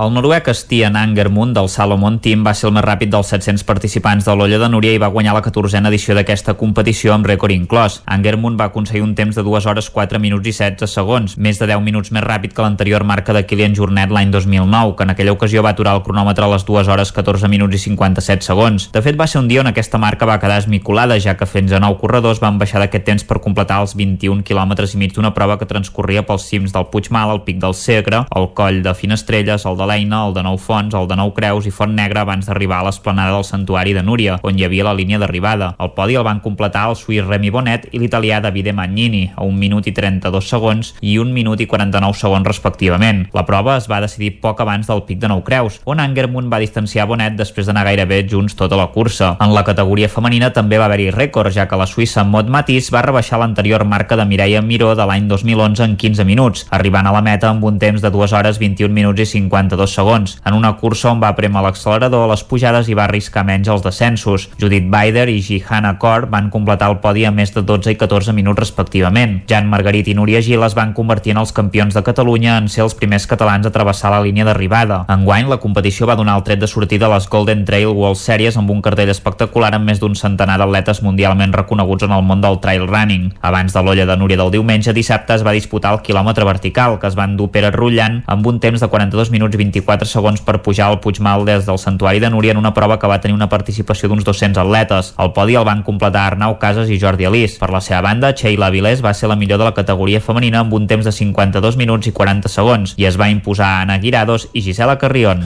La delegació d'Osona de la Federació Catalana de Futbol ha estrenat nova seu, ubicada al carrer Rafael Gai de Montellà de Vic. La inauguració es va fer dijous, presidida pel president de l'entitat, Joan Soteres. El president de la Federació Catalana de Futbol, Joan Soteres va descobrir la placa commemorativa que des de dijous presideix la nova seu de la delegació d'Osona de l'entitat. Està situada al primer pis d'un edifici ubicat al carrer Rafael Gai de Montellà de Vic. Es tracta d'un espai de 148 metres quadrats dividits en una sala d'actes, la recepció, una aula de formació i tres despatxos. Soteres va celebrar la seva posada en marxa i va parlar de com ha viscut els mesos de pandèmia al capdavant de l'entitat a mi em sap greu quan deien és que el president o la federació no ens deixa jugar. No, és que no és que no ens deixi jugar. Jo no sóc ningú per dir si se juga si no se juga. És que no ens deixen de públic als camps. Tampoc sóc ningú. O sigui, aquestes decisions les prenia i, i amb molta responsabilitat i que hem de ser, crec, molt curosos i molt respectuosos amb la, amb la Generalitat de Catalunya les preia la pròpia Generalitat i el Procicat. Són els que prenien aquests tipus de decisions. Soteres també va parlar de Toni Tanyà, a qui fa uns mesos va destituir de delegat d'Osona de la Federació.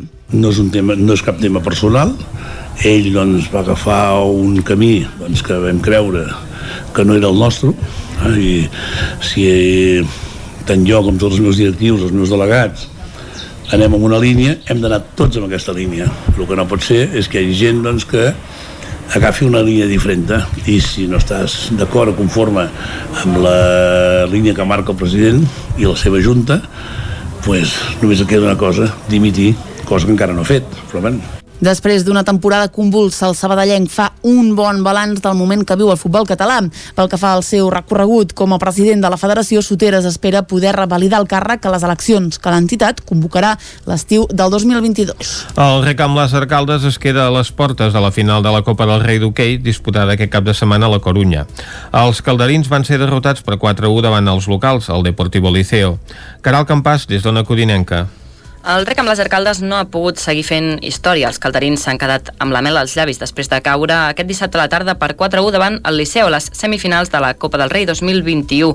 Un Liceu anfitrió que l'endemà es va proclamar campió de la competició per 3-2 davant el Barça. Després de la remuntada contra el Lleida Llista Blava als quarts de final, el Caldes no va poder desfer-se del Liceu a les semifinals. Tot i això, la lectura que en va fer l'entrenador de l'equip, Eduard Candami, era positiva. Hi ha coses que són incontrolables i, i hi ha decisions que al final no, no pots fer res i, i, bueno, i al final ens han anat minant i, i a l'ICE se'ns han anat. No? Bueno, eh, orgullós sobretot de l'actitud de l'equip, l'equip ha seguit treballant fins al final i lluitant fins a l'última pilota i, bueno, i, i aixecar-nos. És dir, és una altra experiència, és una altra semifinal que se'ns escapa, doncs bueno, eh, hem de seguir treballant per millorar aquestes coses perquè la següent poder tirar endavant. El joc va ser igualat, tot i la distància de punts del marcador final. Candami es queda sobretot amb el joc de l'equip, que va mereixer la tercera posició a la Lliga. Jo, jo quedo amb l'actitud la, de l'equip i sobretot el, el joc que ha demostrat durant moltes fases. No? L'equip ha intentat córrer, ha intentat eh, ser vertical, eh, eh, a vegades amb més encert, a vegades potser amb el passe no ha sigut prou, prou just i prou eficaç i per això no hem pogut arribar a totes les transicions que volíem, però estic content i penso que l'equip ha donat la cara en tots els partits eh, i, i ha demostrat doncs, que, que, que estava aquí per alguna raó, no? perquè havia fet una bona temporada, perquè té un bon nivell, com doncs, per avui en una semifinal amb el Liceo, doncs lluitar fins al final i portar-los a, a que els últims 5 minuts tenim opcions. Així s'acabava la participació del conjunt calderí a la Copa del Rei 2021. Els de Candami han dit adeu a la Copa, la segona semifinal de la seva història, però ara tenen un nou repte, la Eurocup que jugarà el proper cap de setmana a Andorra. I evidentment després quan fem el repàs del cap de setmana esportiu dels equips de Territori 17 parlarem eh, bé també del Club Patí Manlleu que en el seva bé, en, en la categoria femenina doncs es va proclamar campió d'aquesta Copa del Rei que s'ha disputat aquest cap de setmana a la Coruña on recordem que s'hi feien eh, tant les competicions masculines com femenines. Això ho repassarem d'aquí una estoneta. Ara el que ens toca, un cop fet el butlletí de les 10 que us hem ofert com sempre amb Vicenç Vigues, Clàudia Dinar Dinarès, David Auladell, Caral Campàs i Isaac Muntades, doncs això, ara el que ens toca és fer un cop d'ull al temps.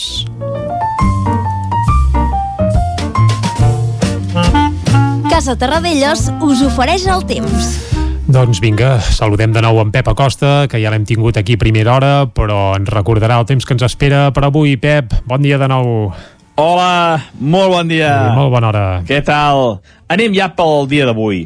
Hem tingut una nit tropical, eh, de clima tropical, temperatures molt altes també de nit, eh, costa ja dormir, ja xafogó, eh, és, que, és, és que és això, és, és, és un tast 100% de l'estiu amb, amb això, unes temperatures desfermades, amb moltíssima, moltíssima calor. Durant el dia d'avui, molt de sol, algun petit núvol al matí, però molt, molt poca cosa, es començarà a disparar la temperatura, sobretot a primeres hores, cap al prelitoral, i ja la segona meitat del dia es dispararà cap a l'interior, uh, interior de Vallès Oriental, interior d'Osona, del Moianès, temperatures una altra vegada entre els 30, 33, 34, algun 35 graus, per tant, uh, moltíssima calor un altre cop, uh, molt, molt desfermades aquestes, aquestes temperatures, eh? molt, molt amunt, uh, com deia, 6-7 graus més del que tocaria aquests dies.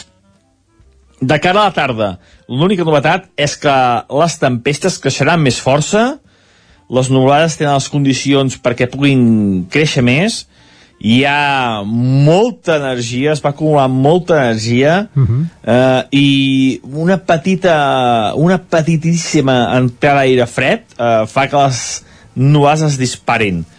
Afectaran sobretot el Ripollès i també el nord d'Osona. Eh, el Mollanès, cap al Vallès arribaran aquestes nuvolades en forma d'enclusa. És quan les nuvolades ja no poden créixer més eh, cap a cap a límits de l'atmosfera, eh, els núvols ja no poden créixer eh, més quilòmetres eh, amunt, i es dissipen els núvols i arribaran en forma d'enclusa cap a aquestes comarques de Vallès Oriental i del Moianès. el Vallès i el Moianès sense precipitació, sí que el Ripollès i el nord d'Osona eh, poden caure aquestes tempestes mm. i poden ser eh, localment eh, una mica abundants, eh? sobretot eh, al Ripollès poden caure entre 15 a 20 litres i hi haurà alguna tempesta una mica forta, localitzada una mica forta.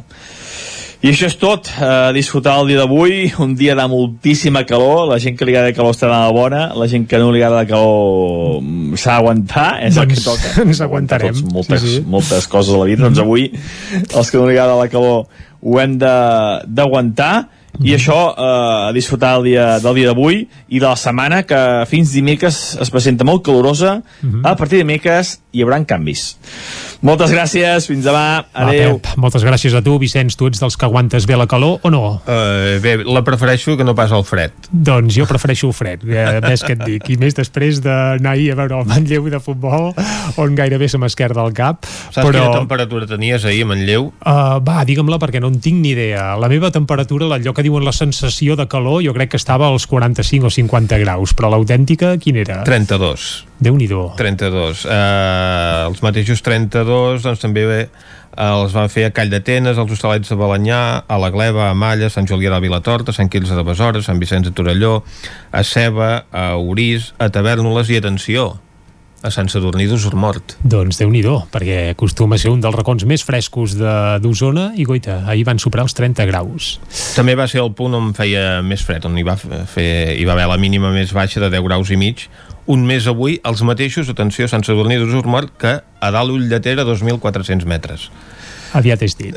Tot i això, el rècord els 35 de Gurb, el rècord de temperatura. Va, doncs ara, com que jo citava Manlleu, que hi feia molta calor, a l'entrevista ens n'anem cap a Manlleu, sí, Vicenç? Anem cap a Manlleu. Doncs va, de seguida ens hi capbussem cap a Manlleu. Casa Tarradellas us ha ofert aquest espai. Territori 17. Envia'ns les teves notes de veu per WhatsApp al 646 079 023. 646 079 023. WhatsApp Territori 17.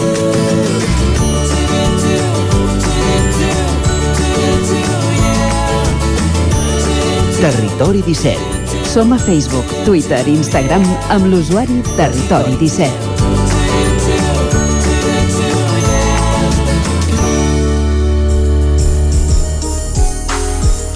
Anem a Manlleu perquè la portaveu del Partit dels Socialistes de Catalunya a l'Ajuntament i diputada al Parlament des de l'any 2015 és Marta Moreta, un dels components del govern a l'ombra que fa uns dies va presentar Salvador Illa.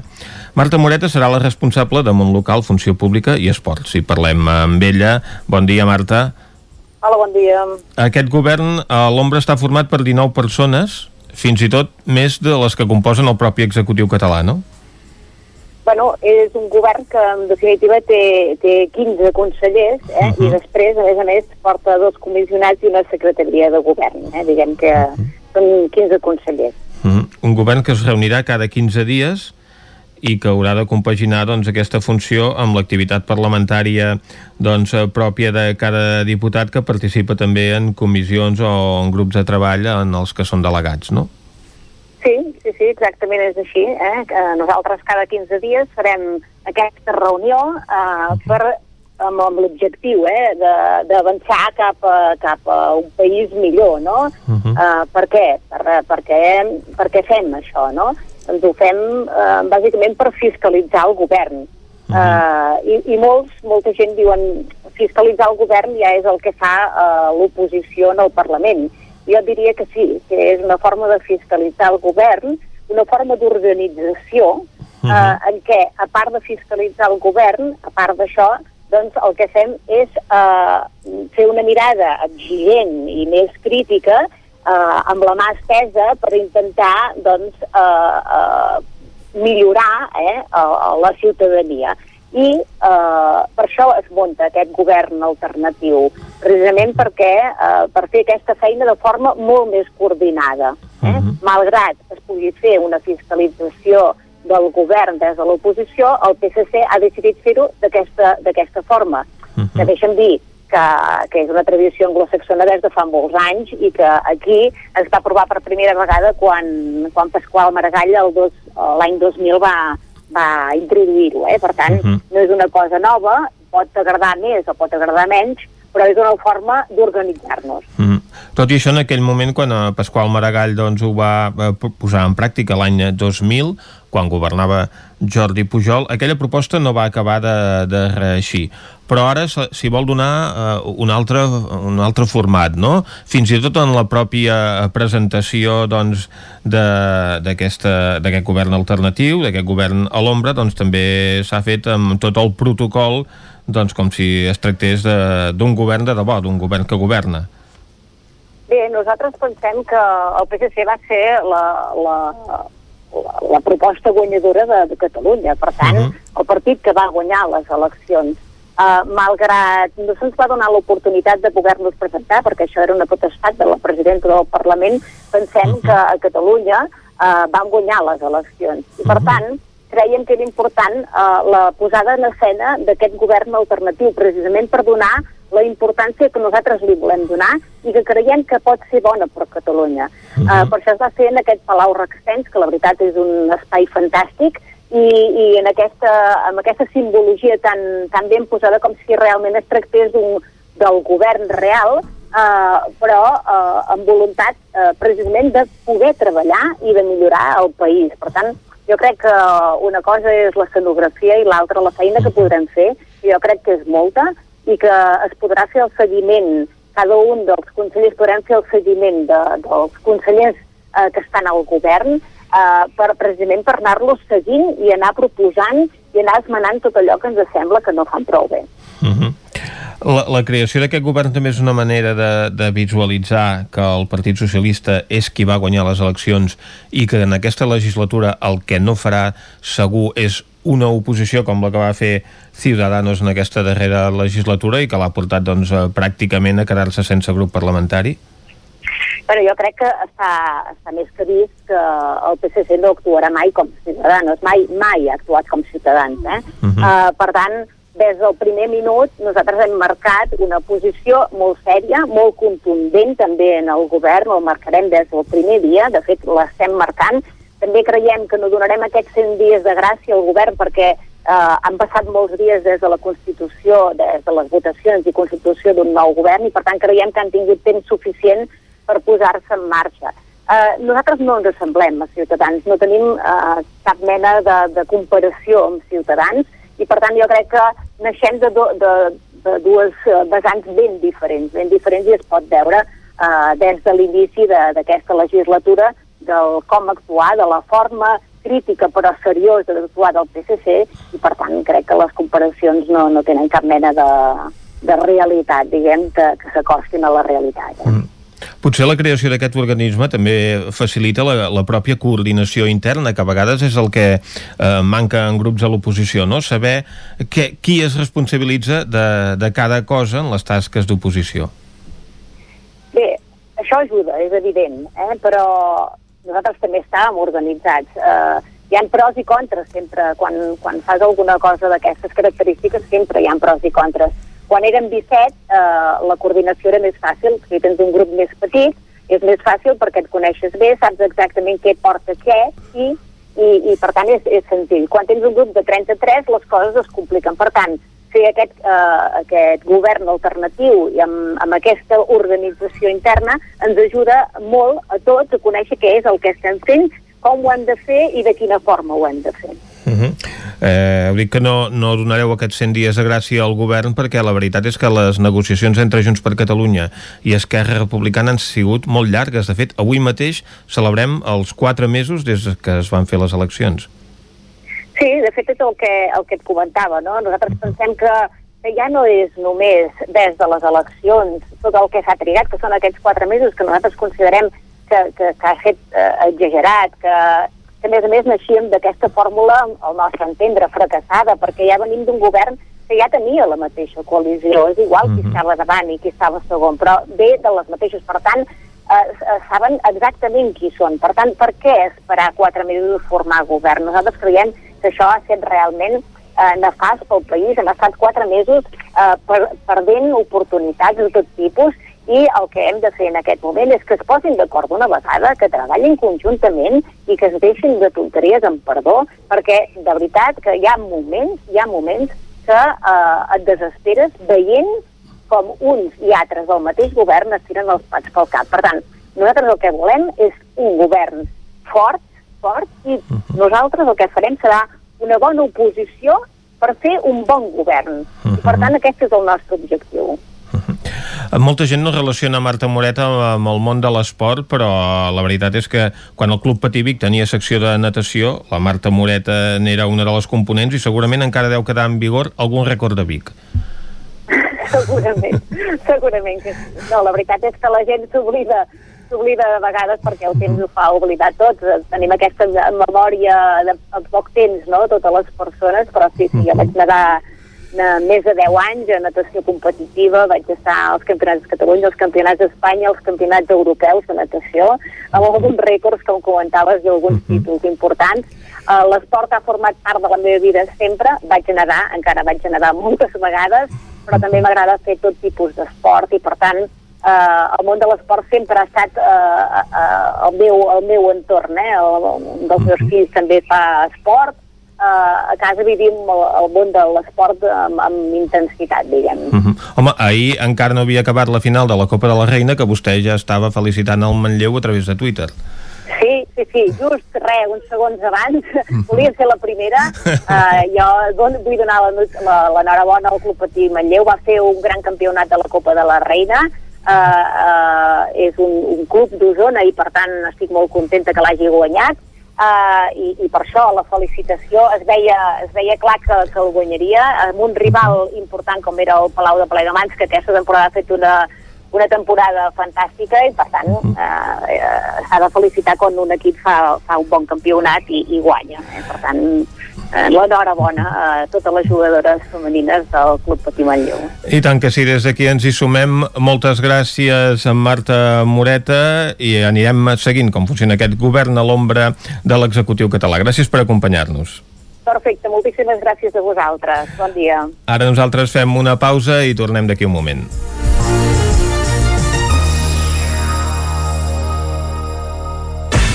El nou FM, la ràdio de casa, al 92.8. Vols ajudar a promoure, prevenir, mantenir o recuperar la salut de les persones? Amb el grau en fisioteràpia de la UBIC aprendràs a través de la simulació de casos i l'experimentació pràctica. Informa't a ubic.cat barra info barra fisioteràpia. Universitat de Vic, Universitat Central de Catalunya. Vine al racó del León i celebra la Revilla de Sant Joan. Menú especial, coca de Sant Joan i llangonissa per tothom. Gaudeix de la Revella de Sant Joan al racó del León, carrer Torelló, número 35 de Vic. Fes la teva reserva al 93 889 19 50. Necessites cultura, espectacles i diversió? Neix el Clec Fest, el primer festival rural xic de la comarca. A Santa Eulàlia de Riu Primer els dissabtes 19 i 26 de juny i 10 i 17 de juliol. Circ, màgia, improvisació, música i molt bon rotllo. Fes cultura, fes estiu, fes Riu Primer, fes Clec. Tota la programació a l'Instagram arroba Clec Festival Riu Primer. Anuncia't al 9FM. La màquina de casa. 9 3 8 8 9 4 9 4 9. Publicitat arroba al 9FM.cat. Anuncia't al 9FM. La publicitat més eficaç. Radella de Sant Joan, al restaurant Casa Vostra. Sopar, música en directe amb Joan Aromí, fi de festa amb coca, llangonissa i cava. Vine i disfruta de la Ravella de Sant Joan amb un bon sopar i la millor música. Restaurant Casa Vostra al carrer Pla de Balanyà, número 18 de Vic. Fes la teva reserva al 639 355 320. Impremta Mater, el servei de particulars i empreses. Fem catàlegs, llibres, papereria corporativa, targetes, fulletons i també venem material d'oficina i escriptori, bolígrafs, arxivadors, grapadores, llibretes i molt més.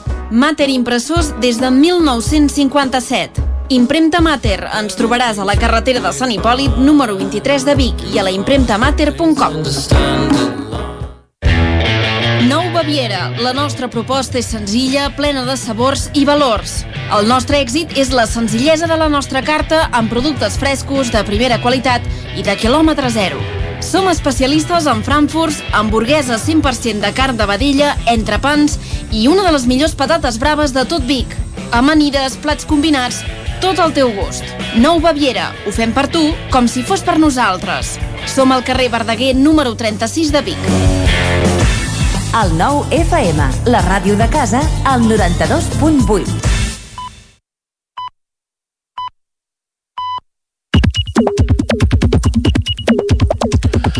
Són dos quarts d'onze del matí i ja tenim a punt a la Clàudia Dinarès amb els tuits més destacats d'aquestes últimes hores. Clàudia. Molt bon dia de nou. Doncs sí, he entrat a Twitter, he vist doncs, que era el que es comentava i he destacat una sèrie de, de piulades que eh, ara començarem a, a desgranar.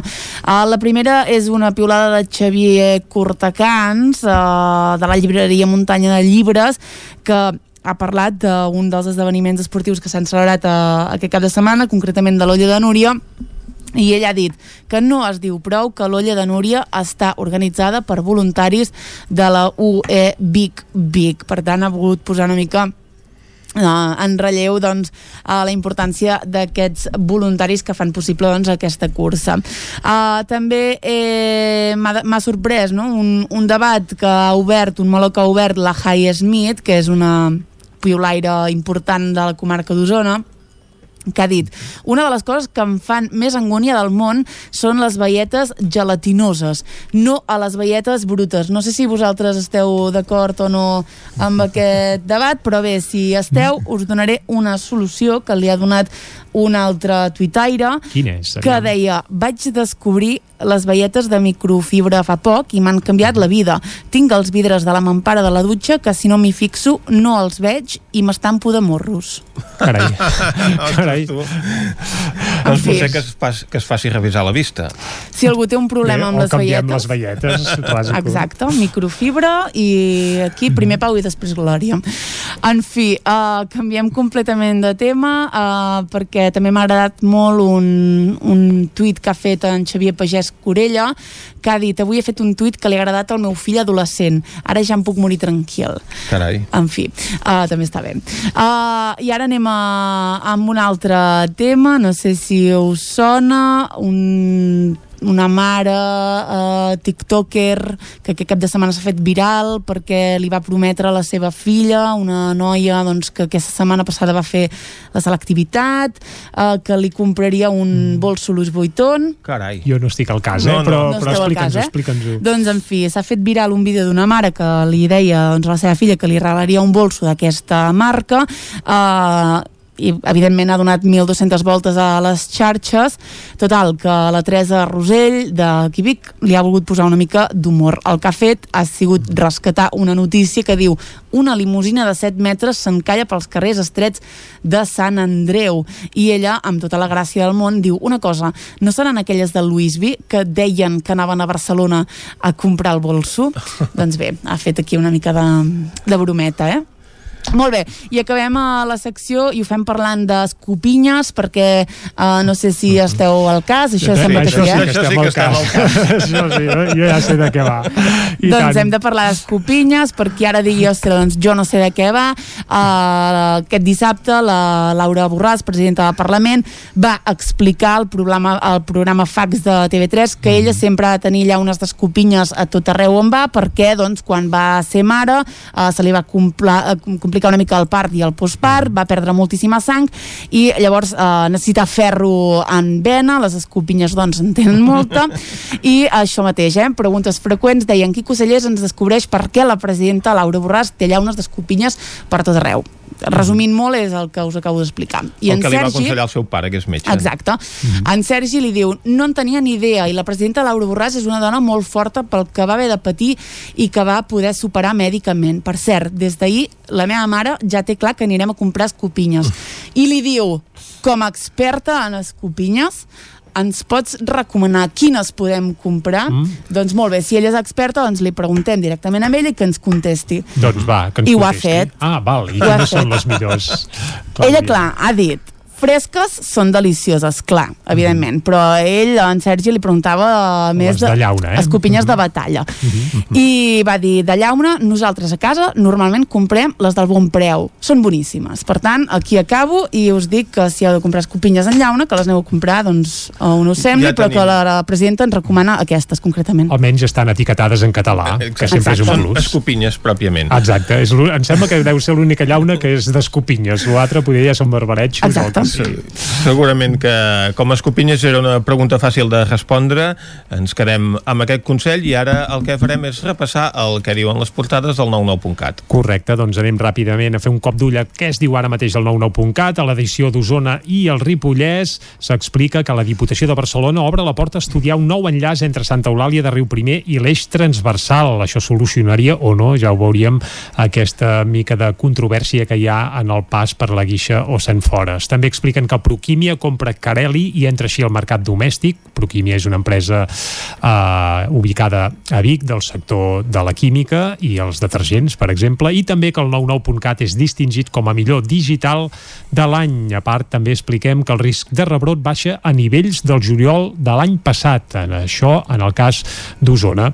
Anem ara a fer un cop d'ull a l'edició del Vallès Oriental del 99.cat, que obre amb la mort d'un motorista de Caldes de Montbui en un accident de trànsit a Mollà.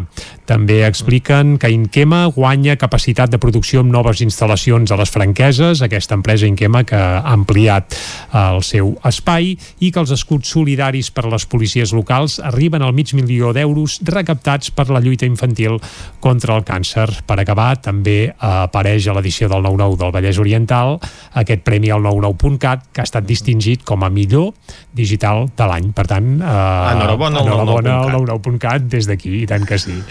I amb això tanquem el repàs a les portades del 99.cat. Anem ara cap a la taula de redacció. Territori 17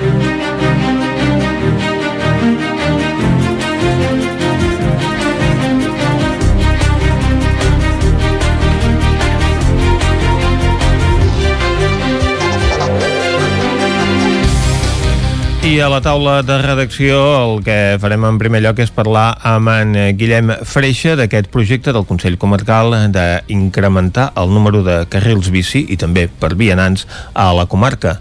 Sí, exacte. L'objectiu final seria crear una xarxa de, de vies ciclistes interurbanes uh -huh. per ser utilitzada per les bicicletes, òbviament, i com també eh, deies, per als eh, vianants. En concret, què és el que s'ha fet? Doncs en els últims mesos s'ha estat treballant en la redacció d'un pla director. Què és un pla uh -huh. director? Doncs és un document on es posen les línies bàsiques, l'estratègia comuna per crear aquesta xarxa de vies ciclistes interurbanes. En concret, es parla de 152 quilòmetres de eh, vies ciclistes repartides per la plana de Vic, per la part uh -huh. central de la comarca d'Osona, on també hi ha menys desnivells eh, eh, i relleus eh, amb turons i, i etc. Doncs 152 eh, quilòmetres eh, el que es eh, voldrien eh, planificar. Això, òbviament, no vol dir que es facin tot totes de cop, eh, totes aquestes vies ciclistes de cop, sinó que es van marcant eh, prioritats eh, fins a 41 trams en, en concret per connectar els eh, municipis, com bé dèiem això, eh, uh -huh. de municipi en municipi, poder-hi anar o bé en bicicleta o bé a, a peu. Quin és l'objectiu? Doncs fomentar aquesta mobilitat eh, sostenible, ja sigui pedalant o, o caminant, en la vida quotidiana de les persones. Eh, que gent que treballa, per exemple, a Tona pugui anar a buscar el tren a Sant Miquel de Balanyà uh -huh. eh, i ho pugui fer a peu en bicicleta de manera segura. Per això, per exemple, ja s'ha fet un eh, carril per vianants i per bicicletes que s'està a punt d'acabar, ja s'està uh -huh. executant, i així doncs es van detectant diversos eh, trams per connectar les eh, diverses poblacions de la eh, comarca. Fomentar aquesta mobilitat eh, quotidiana a peu o en bicicleta L'import total de tot el pla director serien uns 39,4 milions d'euros, per tant uh -huh. és una xifra molt elevada i, i el, el que sí que es van detectant són aquestes eh, prioritats en funció de la inversió prevista per fer eh, un tram determinat i també l'ús potencial d'aquell recorregut. Per exemple, uh, un vincle entre Vic i, i Gurb doncs, segurament uh -huh. tindria uh, molts usuaris uh, potencials, el cost aproximat uh, ara mateix d'aquest pla, uh, que recull aquest pla director són 635.000 euros, per tant, podria ser una obra que, posant en la balança uh, el cost econòmic i la utilitat uh, potencial del, del tram, uh, es podria acabar executant. La idea és fer això, eh? una estratègia comuna a Però nivell... seria un pla radial, com ho són també l'estructura de les carreteres a la comarca?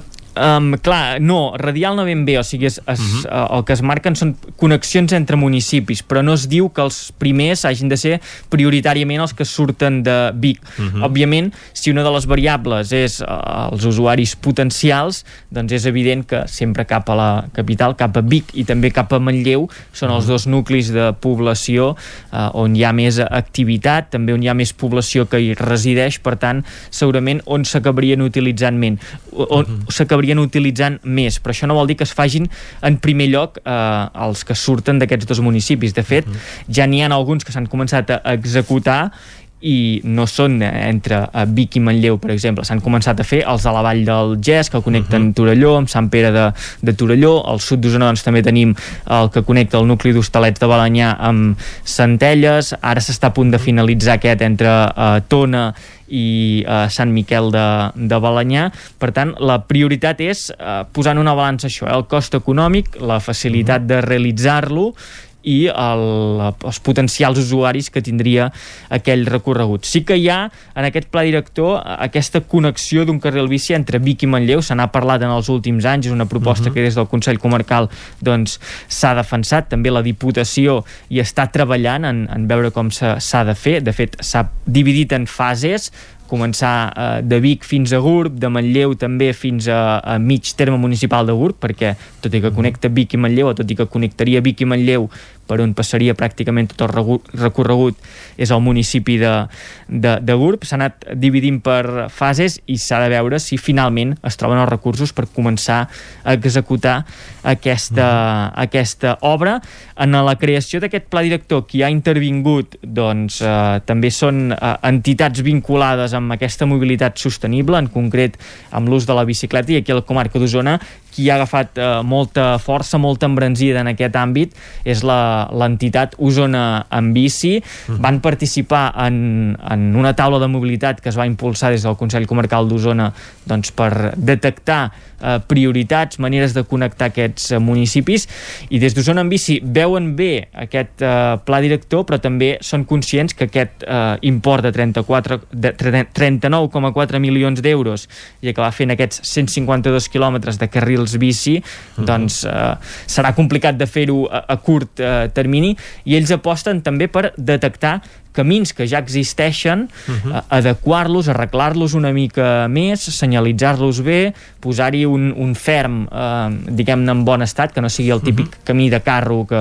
que ja hi ha de per si, sinó potser uh -huh. posar-hi una mica de conglomerat, fins i tot uh -huh. senyalitzar o, o il·luminar el recorregut per si s'ha de fer eh, de, de nit, nit, i aprofitar aquests recorreguts que ja existeixen. Ells posen l'exemple, per exemple, entre Vic i Manlleu, uh -huh. aquest projecte de fer un carril bici edifici nou al lateral de la carretera entre Vic i Manlleu ja existent doncs seria molt costós, però en canvi si potser es pogués fer aquest enllaç fins a la zona de la Cabra, fins a la rotonda de, de la Cabra, a partir d'allà sí que tenen detectat que hi ha un camí que va eh, al costat de la via del tren i uh -huh. que arriba directament a, a Manlleu, que això reduiria molt el cost d'aquesta inversió. Per tant, també aposten per aquest fet, eh? potenciar els carrils bici de nova creació en aquests laterals de les carreteres eh, convencionals, però de l'altra banda, doncs també aprofitar camins ja existents, arreglar-los una mica i fer saber que es poden fer aquestes connexions entre municipis a través de, de camins de, de carro. Moltes gràcies, eh, Guillem. On podem arribar amb facilitat és el Castell d'Emplanes eh, de Vic, que acaba d'adquirir l'Ajuntament. Víctor Palomar, com ha anat aquesta operació? Doncs el Castell d'Emplanes ja des del de pla urbanístic del 2011, del POUM del 2011, ja estava qualificat com a equipament i per tant doncs, el propietari eh, va demanar doncs, que s'exercís aquesta expropiació. Després d'un litigi amb l'Ajuntament hi va haver una sentència amb què es fixava el preu per, perquè fos eh, expropiat.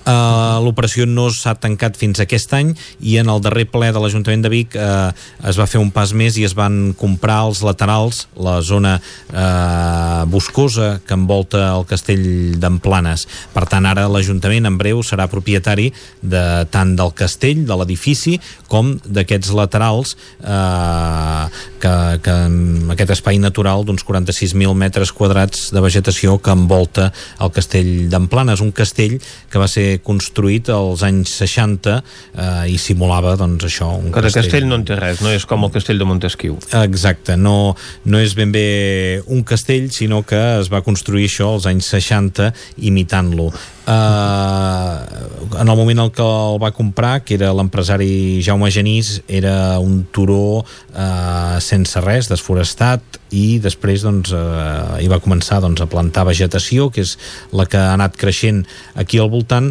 i després doncs, va fer aquesta construcció doncs, que es havia llogat en les últimes dècades per fer-hi activitats, per fer-hi celebracions aquí uh -huh. dalt de tot. I els últims anys doncs, sí que estava bastant en desús i ara, doncs, eh, en fi, s'hi han de fer eh, obres per poder-lo deixar en condicions. L'Ajuntament encara no sap quin ús en farà, s'ha de tenir en compte que al costat hi ha uns dipòsits d'aigua d'Aigües Vic i que per tant és un lloc estratègic de la ciutat i que s'ha de vigilar doncs, també quina activitat s'hi fa en aquest espai. Des de l'Ajuntament el primer primer que volen fer doncs, és eh, desbrossar una mica tota aquesta zona natural del voltant del castell per intentar fer-hi algun carrer al bici que uneixi també el, el, amb el castell d'Emplanes i per tant doncs, els, els joves que, que van entrenar aquí sí, que, al pavelló, pavelló no? per... exacte, que puguin passar per mm -hmm. aquest espai que uniria doncs, eh, el, el, la universitat gairebé doncs, eh, cap allà al pavelló i no s'hauria de passar per la carretera de Sant Bartomeu que uh -huh. a vegades és una mica complicada perquè no hi ha prou espai per passar-hi bicicletes, cotxes i, i a vegades la velocitat en què circulen els, els vehicles. És una mica perillós, efectivament. Doncs moltes gràcies, eh, Víctor. Ara nosaltres, després de posar punt i final a la taula de redacció, el que farem és repassar com ha anat aquest cap de setmana esportiu que ve carregat de títols i copes. Territori 17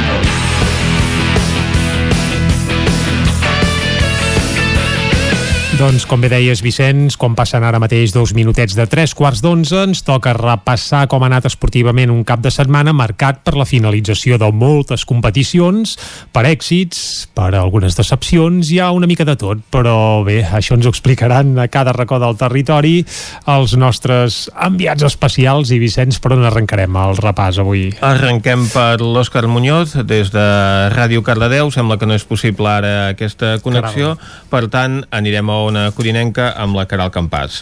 Bon dia, Caralt. Hola, bon dia. Explica'ns com ha anat el cap de setmana esportiu.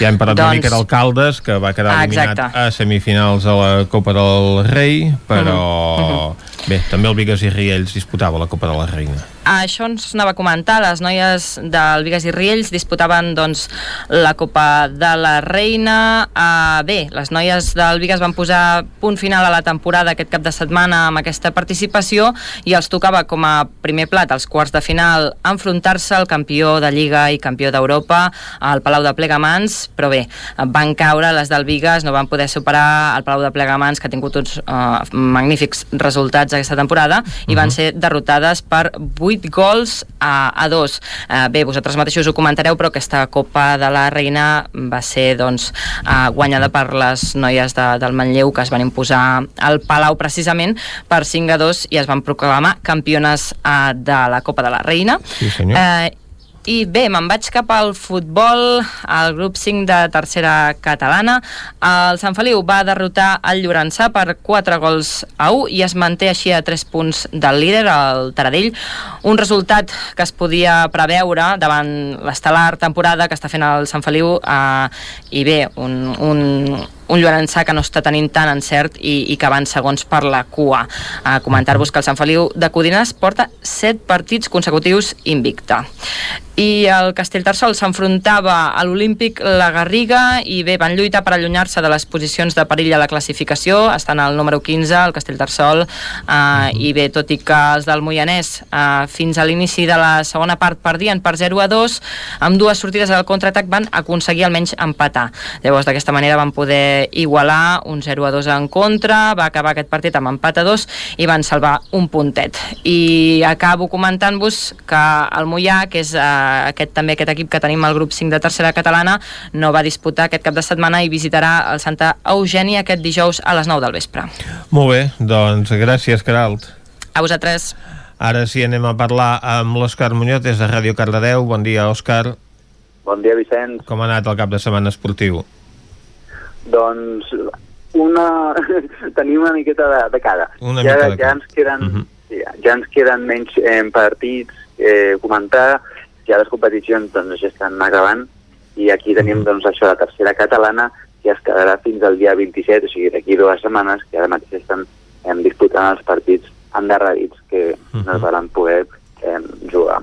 Així que a Cardedeu aquest cap de setmana doncs, va guanyar a casa contra el Lleida d'Amunt per dos gols a zero. Aquí a Cardedeu doncs, anava molt més còmode a la Lliga i a la, a aquesta part final de la temporada i això, els separaven sis posicions que encara els separen i doncs bona victòria pel Cardedeu contra el Lliçà d'Amunt. Per l'altra banda, el Llinàs doncs, també jugava a casa, però no va tenir la mateixa sort que el Cardedeu. Ells van perdre contra el Parets per un gol a tres. Eh, era un partit doncs, complicat pels llinasencs, ja que els hi tocava jugar contra els primers classificats, el Parets, i el, el Llinàs ara mateix està situat a la, ter a la tretzena posició. Eh, doncs aquest li ha costat bastant eh, començar a aquesta lliga a arrencar. Així que eh, aquest partit ja sabia més o menys que no seria una baixa per al Llinàs. I acabem amb el, amb el futbol sala, amb l'últim partit del Cardedeu de futbol sala fora de casa, que jugava contra el Farmàcia Llenguela, del castellà A, i això, es va quedar amb un empat a 4. Aquí els cardeuencs va ser molt, va ser molt curiós perquè al minut 6 ja anaven 0-3 i tot apuntava doncs, que guanyarien el partit, però després el, el Farmàcia Castellà doncs, va començar a remuntar i al final doncs, va posar aquest empat a 4 al marcador. Doncs déu nhi una bona remuntada. I bueno, fins aquí seria aquest repàs esportiu, com comentaven ja, cada cop menys veu. Efectivament, eh, es van acabant les competicions, com és propi d'aquesta època de l'any. Moltes gràcies, Òscar. Ara anem eh, cap al Ripollès, eh, anem a parlar amb l'Isaac Muntades des de la veu de Sant Joan. Isaac, bon dia. Bon dia, Vicenç. Encara ets al Puigmal, comptant si queden corredors de l'olla de Núria per acabar la prova? En principi han arribat, Han han arribat ja tots, tots, o... han arribat tots. Hi havia molta gent eh, al Puigmal, que és una de les característiques de l'Olla de Núria, molta gent animant i aplaudint els corredors, que bona falta els hi fa, eh, perquè començar l'Olla de Núria pujant al Puigmal, doncs eh, és dur, eh? Al Puigmal Eh, uh, hi, hi, hi ha tot arreu, perquè Sí, com sí. que ara a l'olla de Núria l'organització no posa avituallaments, sinó que els corredors s'han de portar a sobre tot el material que necessitin per hidratar-se i per alimentar-se, doncs el que passa és que molts d'aquests eh, corredors capdavanters tenen gent que els hi té el material a punt al llarg del recorregut.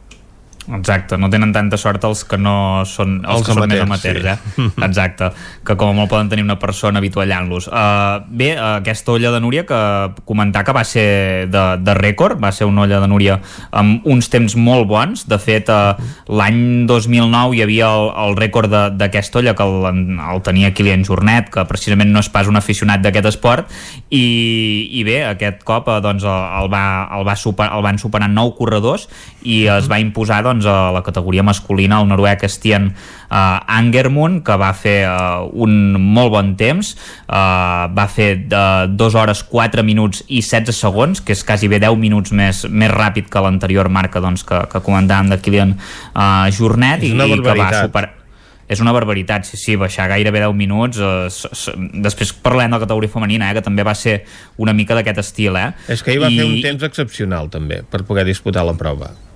Exacte, exacte. Feia molt, feia molt bon dia, eh, feia calor, però, però feia un temps eh, força, força bo i, i dir-vos que el podi el van completar el suís Remy Bonet i l'italià David Magnini, que van arribar uh, un minut i mig i un minut 49 segons després, per tant va, va ser bastant igualada uh, la prova i com deia, la categoria femenina també va haver-hi rècord perquè la suïssa Mod Matís uh, va rebaixar també l'anterior marca de, de, Mireia, de Mireia Miró de l'any 2011 i no ho va fer pas per poc, ho va fer amb 15 minuts, o sigui, 15 minuts menys, va fer 2 hores 21 minuts i 52 segons, uh, va ser, a més va dominar clarament, eh? en aquest cas sí que no va estar tan apretada la classificació, uh, 12 i 14 minuts van arribar Judit Baider i Gihanna uh, Cor respectivament, uh, i dir-vos també que en aquest cas també es decidia els campions de Catalunya que van ser Jan Margarit i, i Núria Gil. Uh, també el dissabte es va disputar el quilòmetre vertical, que en aquest cas no hi va haver-hi sorpreses, el favorit Pere Rullant doncs, es va imposar uh Mhm. -huh. amb un temps de 42 minuts i 20, 24 segons, i en la categoria fe- femenina va guanyar Sheila Avilés, que va marcar un, un temps de 52 minuts i 40 segons, per tant, una olla de Núria, ja veieu, eh, amb, amb molts rècords, molt, Mhm. molt interessant, i esperem que l'any que ve, doncs, a veure si, si algú els pot superar, però sembla difícil, eh, perquè s'ha tant. Baixat molt de cop i, i no serà fàcil. Uh, tenim bastantes competicions, per exemple, en futbol, a falta de, de dues jornades per acabar la competició, el grup 18 de la tercera catalana, la Badesenc, doncs, va, va guanyar el seu partit per 5 a 1 davant el Sant Roc, ara ja és segon amb 32 punts i se situa només 3 del lideratge que, que l'ocupa l'Unió Girona, en un partit que es va decidir pràcticament a, a la mitja hora de joc, de, de fet ja la Badesenc ja guanyava per 4 a 1 al minut 6 ja guanyava per 2 a 0 amb gols de Dani uh, i Docho Teco. Després va reduir distàncies al Sant Roc però immediatament doncs, uh, uh, Bernades i, i Lluc doncs, van anotar el 4 a 1 i a les acaballes del partit doncs Sama va fer un golaç per l'escaire doncs, per, per posar la, la maneta Uh, no li van anar tan bé les coses al Bànol que va empatar a casa un contra el Vilablareig i està ara mateix novè amb 20 punts. Uh, es van avançar els visitants als 10 minuts amb un gol de Rodríguez amb una rematada dins l'àrea petita i Ernest doncs, també va aconseguir empatar uh, a les acaballes del partit amb un xut per l'escaia doncs, per evitar aquesta derrota de, dels cananolencs uh, de ciclisme també us he de fer dos a Uh, bueno, un apunt uh, en el cas de la segona etapa de la Copa Catalana del sisè trofeu Vila de Ripoll que es va disputar uh, aquest diumenge i que formava part de la Volta a Girona i el guanyador va ser Adrià Pericàs del Jofre Vic ETB que va vèncer en la categoria cadet tot i que el ciclista can de Manolenc Gerard Cano del Puritota de Sant Núria és el nou líder de, de la General i en el cas de Marcel Pallarès va vèncer en la categoria júnior en la prova de cadets era de 42 quilòmetres la júnior era una mica més amb més quilometratge, 71 amb els colls de Santigosa i Cubet com a principals dificultats. Dir-vos també que bones notícies pel Sant Joaní Pau Menoyo que en l'estrena del nou equip comença el 21 va guanyar la primera prova júnior de la Copa del Món a Leogan de DH i és el primer líder de la general del campionat d'aquesta competició de descens en bicicleta. A la classificatòria va ser cinquè tot, un, tot i una caiguda i a la fase final doncs, va ser el més ràpid gràcies a, al seu gran parcial a la segona meitat del circuit amb una victòria de només mig segon d'avantatge sobre el canadenc Jackson Goldstone. En primera catalana l'Hockey Club Ripoll doncs, va guanyar 7 a 5 al, al Sant Cugat i doncs es, es va aconseguir salvar amb els 15 punts que, que ha sumat en un partit que, que li va anar bastant de cara i pel que fa a l'escola de futbol sala Ripoll Servicat doncs va acomiadar de la Lliga amb una contundent derrota per 7 a 0 a la pista del Padre Damián que ara mateix doncs, queda setè classificat al Ripoll de 10 equips amb 7 punts i un partit menys i ja no tenen opcions matemàtiques de ser campions de Lliga.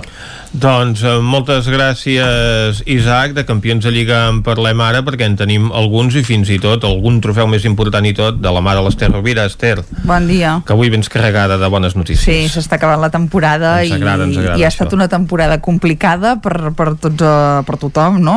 I evidentment i en conseqüència per als clubs i els esportistes, uh, però bé, ara comença a arribar els fruits d'haver-se adaptat doncs, a, a tantes adversitats, a tants confinaments, uh, doncs, a haver de competir sense públic durant molts mesos fins uh -huh. just uh, per Setmana Santa uh, i comencem destacant aquesta Copa de la Reina d'hoquei patins que va aconseguir el Manlleu Màgic Estudio ahir a la Corunya uh, després de vèncer per 5 a 2 al Palau de, de Plegamans, que això es diu ràpid Sí. i que uh, aquesta temporada no ho havia aconseguit ningú mm, ja, ja no per un resultat amb golejada com aquest, sinó uh, guanyar-les, no? i per tant uh, doncs una victòria de, de mèrit que fa una mica de, de justícia a, a les bones temporades del Manlleu els últims dos anys, no? perquè Mhm. eh, amb aquest nou projecte que ha encapçalat eh, Jordi Boada, doncs la temporada passada l'equip estava fent una molt bona temporada, optava tots Mhm. els títols, va arribar la pandèmia, va haver de deixar de competir quan segurament en aquell moment era el millor equip amb diferència i allò va quedar, doncs,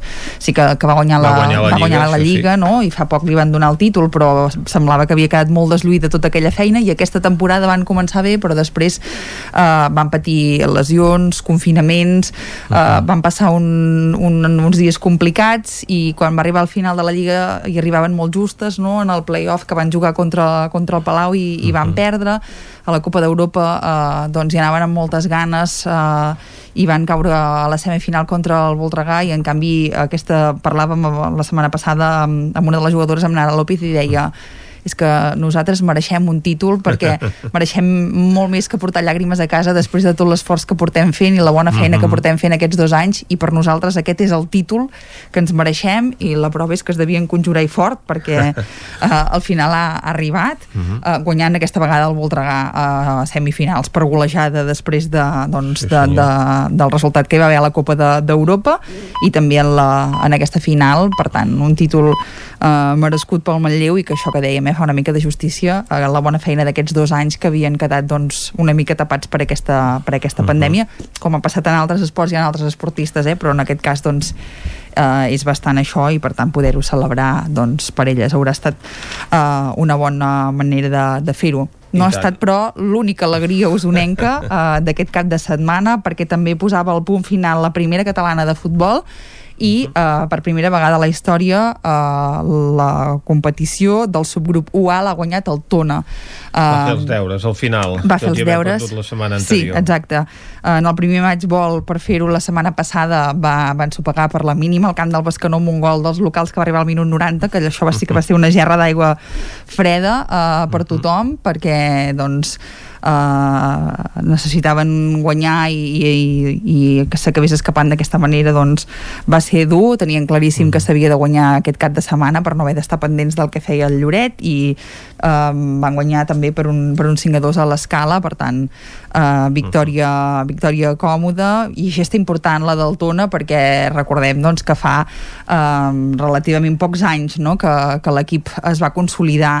Uh, de fet la temporada passada malgrat fer un projecte ambiciós um, quan va arribar la pandèmia estaven en, en zona de, de perill i al final no van baixar perquè es va decidir que no hi havia descensos, eh? perquè si no Mhm, el Tona segurament hagués baixat que de fet el que volia dir és que consolidar-se la categoria doncs bé li havia costat des que va aconseguir aquest ascens que ja l'havia intentat diverses vegades, no havia disputat play-off de descens a, a primera catalana, algun que s'havia escapat, al final van aconseguir arribar a la categoria i ara doncs havem fet una, una aposta per un, per un projecte eh, doncs, lluitador i ambiciós, amb eh, un cos tècnic eh, de molt renom a la comarca, que és el que encapçala Ricard Ferrés, que eh, doncs, pot presumir de diversos ascensos en tots els equips on, on ha passat, no? el Folgueroles, el Vic Riu primer, eh, de fet són els que van portar el Vic Riu primer també en aquesta categoria, la, la primera catalana, eh, doncs era un projecte mm, pràcticament de, de garanties, no? haver, haver escollit aquest cos tècnic, eh, i bé, al final ha arribat aquest premi de, del títol de Lliga, que eh, tindrà una segona part a partir d'aquest proper cap de setmana. Avui sabrem eh, com va, perquè avui es farà el sorteig Mhm. eh, doncs Entre de els saber campions de Lliga. exacte uh, i per saber en el, uh, jugaran contra la, la Guinaueta, però fa, falta saber el, el camp, uh, uh Mhm. -huh. qui jugarà com a, com a local en quin, en quin partit, uh Mhm. -huh. uh, a partir d'aquest proper cap de setmana, per tant veurem aquest play-off doncs, com acaba i si la temporada pot ser encara més rodona i posar la cirereta amb un ascens en aquesta nova tercera RFF, que és com es dirà la propera uh -huh. temporada amb aquesta reestructuració del futbol estatal, però bé, en tot cas, eh, el que segur que ja no traurà, independentment de com vagi aquest play-off, és que s'ha fet una gran temporada i que el Tona ha guanyat la primera catalana de, de futbol. Uh, la Mhm. I resta... també ha guanyat la Lliga el, eh, el Girbau Vic Tenis Taula. Exacte, i per si no estàvem prou contents i teníem prou títols, doncs hi afegim aquest, el de campiones de, de la Superdivisió Femenina de Tenis Taula de la Lliga Iberdrola, eh, el Girbau Vic TT eh, contra el Reus eh, en, un, bueno, en una final catalana. Aquesta temporada que la competició també ha estat excepcional perquè es van haver de fer dos grups uh, i les biguetanes van, van guanyar el, el seu, però després hi havia també uh, aquesta final pel, pel títol aquest cap de setmana en què doncs, això s'havien de disputar dos uh, partits uh, i les biguetanes van empatar el primer contra, contra el Jaén però van guanyar el segon contra, contra el Reus uh, a Antequera i van poder aixecar aquest títol de, de campiones en una temporada que també no ha estat gens fàcil uh, per ningú, no? que també s'ha disputat, com dèiem, amb dos grups i en formats bombolla, és a dir, que un cap de setmana jugaven dos uh, partits o tres, no? i això també uh, bé, eh, tu, eh, igual a tothom perquè tothom Sí. es troba en les mateixes condicions però són unes condicions que no són les seves habituals de, Clar. de jugar, no? Mhm. Per tant, molts caps de setmana no jugaven i quan jugaven, jugaven concentrades en format bombolla, doncs dos o tres partits. Per tant, això, el Girbau Vic TT que també s'ha eh, doncs, adaptat a aquestes noves circumstàncies aquesta temporada i el premi ha acabat en forma de, de lliga eh, d'una superdivisió estatal doncs, que, que durant molts anys li ha costat moltíssim, no? amb el Cartagena com a gran bèstia negra aquí a batre i aquest any doncs, L'any passat també li tocava guanyar-la i finalment per decisió administrativa la va guanyar el Cartagena. exactament. Doncs moltes gràcies, Esther. Tanquem bé. aquí el repàs esportiu del cap de setmana. I quan són les 11 i gairebé 5 minuts del matí, deixem els esports i us tornem a acostar a l'actualitat de les nostres comarques, l'actualitat de les comarques del Ripollès, Osona, el Moianès i el Vallès Oriental.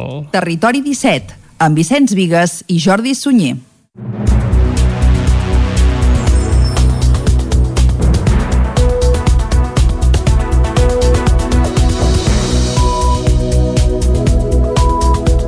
L'Ajuntament de Vic serà el propietari de l'edifici del Castell d'Emplanes i dels qua- 46.000 metres quadrats que conformen els vessants del turó.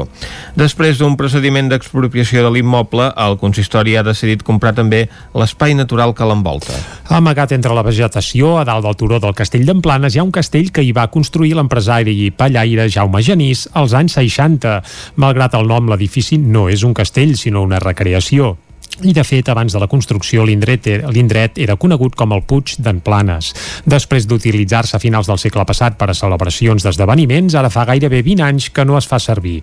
En el darrer ple de l'Ajuntament, el consistori va aprovar l'expropiació de l'edifici i de l'espai natural que l'envolta, una, una operació que ha costat uns 300.000 euros, 240.000 per l'edificació i 60.000 pels 46.000 metres quadrats del voltant. Fabiana Palmero és la regidora d'Urbanisme de l'Ajuntament de Vic. hem arribat a un acord eh, que afavoreix l'Ajuntament perquè eh, el pressupost, la valoració eh, tècnica n'era una i hem arribat a un acord d'un preu més baix amb els propietaris, per tant pensem que és una bona adquisició eh, que redundarà en beneficis per la ciutat, per l'espai públic eh, i per l'espai natural. L'acord d'expropiació va comptar amb el vot favorable de tots els grups municipals al ple, que celebren que l'espai passi a mans públiques. En el ple també es va denunciar que els veïns de la zona fa gairebé 15 anys que demanen que soterri la línia d'alta tensió que hi passa, i es va demanar a l'equip de govern que segueixi el mateix procediment a d'altres espais de la ciutat. Escoltem per aquest ordre a Maria Balasc, d'Esquerra Republicana, i a Carla Dinarès, de Capgirem Vic. i travessa gairebé tot el, el barri del Sucre. Ens hi trobem una línia d'alta tensió que porta, porta, es porta molt de temps reivindicant que aquesta línia d'alta d'alta tensió o se soterri o, o, o, o, o s'arregli d'alguna manera. Ens agradaria que aquest sigui el criteri que s'apliqui també al Puig dels Jueus, com ja hem dit eh, sempre a les sessions de, de treball d'Urbà, i que la directiu política d'aquest Ajuntament garantís la preservació i recuperació dels espais naturals de la ciutat. I, i agrair també que seguim tenint present. I a la plaça de la Noguera, encara que de moment no està clar quina funció es donarà al Castell d'Emplanes, sí que és previst que ben aviat s'hi obri un pas per a bicicletes. Els casals de la gent gran de Cardedeu són encara més segurs amb la instal·lació d'aparells que mesuren el diòxid de carboni. Els resultats es monitoritzen cada hora. David Auladell, de Ràdio Televisió, Cardedeu. Els dos casals de la gent gran de Cardedeu tenen instal·lats aparells mesuradors de CO2 per calcular el contingut de diòxid de carboni en l'aire. D'aquesta manera es pot monitoritzar la qualitat de l'aire i incrementar la ventilació, si fos necessari, una acció per prevenir possibles contagis de Covid-19. Les persones responsables dels equipaments mesuren i anoten els resultats cada hora per controlar-ne l'evolució. Els aparells s'han instal·lat coincidint amb la reobertura dels dos casals del passat 31 de maig. Des de la regidoria de gent gran i des de l'àrea de desenvolupament comunitari es vol donar tranquil·litat i seguretat a les persones usuàries per tal que còmodament es vagi reprenent l'activitat tan necessària per aquest segment de la població i animar-los així a assistir als centres cívics de gent gran. Es presenta a Sant Joan de les Abadeses el llibre de B.A. Johnson sobre com no generar residus a casa. Isaac Muntades, des de la veu de Sant Joan. Divendres a la tarda, al Palau de l'Abadia de Sant Joan de les Abadeses va acollir la presentació del llibre Guia Residu Zero a casa de l'activista ambiental i escriptora francesa establerta a Califòrnia, B.A. Johnson. La presentació va anar a càrrec d'Ester Penya Rubia, que és doctora en enginyeria agrònoma i traductora al castellà i català del llibre de residu zero a casa. Johnson és una mare de família que va començar a reduir residus en l'àmbit familiar i es va donar que la tona de mitjana que genera una família anualment als Estats Units es podia reduir a només un quilo de rebuig entre els quatre membres de la família. Ella va escriure el llibre per donar-ho a conèixer i ha estat un èxit perquè ja s'ha traduït a 29 idiomes. En el cas de Penya Rubia, ella des dels anys 90 ja es va interessar per portar una vida sostenible i havia fet de voluntària per organitzacions com Greenpeace o Depana. Quan va llegir el llibre de Johnson i va veure alguns vídeos, va decidir contactar amb ella i amb una editorial per fer la traducció de la publicació. L'any següent ja va sortir traduït al castellà. El llibre també està adaptat a la realitat catalana i a banda d'exemples dels Estats Units, també hi ha un llistat de pàgines web que practiquen aquest model a Catalunya. Penya Rubia enumerava que hi trobarà els lectors. Llavors es trobaran doncs, com un, re, un repàs al nostre estil de vida, però buscant alternatives a cadascuna d'aquelles accions en les que podem generar molts residus, ja sigui quan anem a comprar, eh, quan consumim eh, no sé, per exemple, per fer regals, no? que no siguin objectes, que siguin no tangibles, no? molts exemples a l'hora de viatjar, a l'hora de netejar la casa, de la higiene personal. Si hi ha nens a casa o fills o filles, doncs tots aquests àmbits, en tots n'hi ha alternatives per reduir els nostres residus. Per tot això, Penya Rubia va aplaudir que a partir del 3 de juliol es prohibeixi la venda d'envasos d'un sol ús, però va recordar que hi ha indrets com les Illes Balears que ja hi aposten des de l'any 2017 i que tota Europa s'hi va emmirallar. Aquesta normativa, segons aquesta enginyera agrònoma, permetrà recuperar costums antics com anar a comprar amb la bossa de roba els aliments sòlids o comprar productes a granel, un fet que permetrà un estalvi de diners i de temps per no haver de gestionar els envasos. També va dir que tot arreu es pot dur a terme aquest model de vida. A la ciutat l'oferta és molt més àmplia, però els pobles també tenen els seus avantatges. Pobles petits segurament tenim productors a la vora, llavors no caldrà anar a, a, a grans superfícies perquè ja tenim, per exemple, doncs, alguna granja a prop que pugui subministrar la llet en vida o els ous podran ser d'alguna granja propera o d'algun veí que tingui ous i els hi pots comprar. Vull dir, hi ha moltes maneres de consum. Potser no cal anar a gran superfície i arrasar i comprar absolutament tot, sinó que si ens ajuntem perquè vivim en un poble petit i no tenim a disponibilitat eh, a prop, no tenim disponible, per exemple, sabons a granel, doncs el dia que anem a comprar sabons a granel comprem per tot l'any. Però, però sí que hi ha eh, articles o productes que encara no, no podem trobar ben a prop, doncs llavors fem una, una compra conjunta. Ens ajuntem 10 famílies, un cop l'any comprem, per exemple, el paper de vàter en aquest cas, o, o els fastús que vinguin de Catalunya. No? Penya Rubia també va impartir un taller de furoshiki, que és una tècnica que prové del Japó per embolicar regals. Seria com el farcell català, però és que no només es fa una bossa, sinó que es pot embolicar qualsevol objecte de forma quadrada fent alguns nusos. I fins aquí el butlletí informatiu de les 11 que us hem ofert amb Vicenç Vigues, David Auladell, Caral Campàs i Isaac Muntades. Ara el que ens toca a nosaltres és capbussar-nos amb els solidaris, com sempre, de la mà de l'Eloi Puigferrer.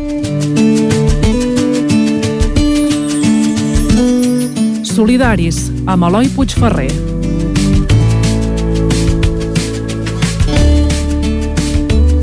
Ajudar i estar al costat de les persones no significa només donar-los allò que els pot fer falta o vetllar per la seva salut. Estar al costat d'algú també pot ser sinònim de ser el tutor d'aquella persona, per exercir com un familiar proper que l'acompanyi sempre que li faci falta i que en cas de no poder pugui prendre decisions per la persona en els moments en els quals, per un motiu o per l'altre, aquesta no pugui fer-ho. En essència, ser el tutor d'alguna persona és sinònim d'estar al seu costat, de ser aquella amiga i aquella persona de qui es pot refiar quan més falta fa. A la comarca del Ripollès aquesta funció la fa la Fundació Tutelar del Ripollès, que des de ja fa pràcticament una dècada tutoritza gairebé un centenar de persones per acompanyar-les i per ser aquell familiar a qui recorre quan li faci falta. Així que avui, per conèixer a fons quina és la funció que fa aquesta entitat, des de Ràdio Vic i a través de l'antena del Territori 17, parlarem amb la Maite Volvena, presidenta de l'entitat ripollesa. La Fundació Tutelar del Ripollès eh, es constitueix l'any 2011 i abans del 2011, del 1995 fins al 2011, aquesta activitat de tutelatge eh, la portava a terme a l'Associació de Pares i Mares de Persones amb Discapacitats. Val? Era una entitat del Ripollès, ACPAM, que eh, exercia, doncs, entre altres activitats també d'entitat de, tutelar, d'acord? Llavors, el 2011, per posar eh, en ordre una mica i perquè eh, una entitat no, no fes de eh, Fundació Tutelar, vam crear la Fundació, vam separar eh, aquestes dues activitats per així no generar l'artipart, que es diu, val? No, no confondre. I a partir del 2011 doncs, es va constituir la Fundació Tutelar del Ripollès i fins al dia d'avui, vull dir, aquest any hem fet el, 10, el desè aniversari de la Fundació. Una fundació tutelar és una entitat sense, sense afany de lucre val? i forma part de la cartera de, dels serveis socials de la Generalitat de Catalunya. Eh, I llavors eh, ha de ser ben bé per defensar els drets de les persones a qui dona suport i acompanya, en el sentit de que per defendre això que, ve, que també eh, necessita, necessita ser una defensa objectiva en benefici de les persones i a més a més ha d'haver una supervisió de l'òrgan judicial. Vull dir, nosaltres tutelem a persones perquè un jutge dictamina que tutelem a les persones, val? i la demanda ve doncs, de serveis de salut o de serveis socials perquè detecten que algú necessita aquest, aquest suport, d'acord? Eh, ACPAM feia, entre altres coses, evidentment va néixer com a associació de pares i mares, feia moltes activitats en aquest sentit, però va haver un moment que vam haver de separar per funcionar de manera correcta i va ser en el moment doncs, que es va crear la Fundació Tutelar del Ripollès. Les accions d'una Fundació Tutelar, però, tenen molts més àmbits de treball, i en el cas de la Fundació Tutelar del Ripollès, les xifres i els usuaris no han deixat de créixer amb el pas dels anys. Volvent explica les principals funcions que té l'organització. Nosaltres, la Fundació Tutelar, acompanyem a les persones en el seu desenvolupament integral i autonomia, en el sentit de que podem trobar al llarg de la nostra vida i nosaltres mateixos en un moment de la vida necessitem un suport. Un suport perquè segurament normalment són persones que no tenen, que no tenen un familiar a prop o que el familiar viu lluny, val? o perquè mm, tots els familiars doncs, eh, malauradament doncs, ja no hi són. Llavors en aquest moment eh, nosaltres és quan entrem i donem suport a aquesta persona. Val? Eh, aquesta demanda normalment ve per un assistent, per una, un servei, doncs, als serveis socials, a través d'un assistent social que detecta aquesta mancança, a vegades sovint és, eh, els serveis de salut detecten aquesta mancança o aquest suport que aquesta persona necessita i llavors a partir d'aquí eh, hi ha l'òrgan judicial doncs dictamina doncs aquesta persona necessita un suport i és quan entrem les fundacions tutelars doncs, eh, de Catalunya a donar aquest suport. Per això, a les fundacions tutelars formen part de la cartera de serveis socials de la Generalitat de Catalunya, per defensar els drets de les persones i sobretot ha de ser una defensa objectiva. Nosaltres, les fundacions tutelars, eh, no tenim, o sigui, no actuem com una eh, com un servei residencial, no som un servei eh, assistencial de la persona, en el sentit de que no actuem com un centre residencial ni un centre de treball o altres serveis. La nostra finalitat és una defensa objectiva en benefici de la persona. El que fem és com, com faria un, un familiar en el moment doncs, que, que algun, algun, alguna persona propera nostra necessita aquest ajut. Què vol dir? Doncs, per exemple, acompanyar el metge, eh, tot el tema, per, per exemple, necessitats eh, jurídiques que necessiti la persona, assessorament doncs, que necessiti en un moment donat la persona. Aquest suport que menciona la presidenta, però no només es focalitza en usuaris d'altres serveis assistencials, sinó que també abarquen persones autònomes que precisen d'un suport com aquest. Volvent ho detalla les persones a vegades pensem que les fundacions tutelars només tutelem a persones que ja estan a llars, a, a residències, no? O sigui que realment necessiten un suport eh, molt extens de la seva persona.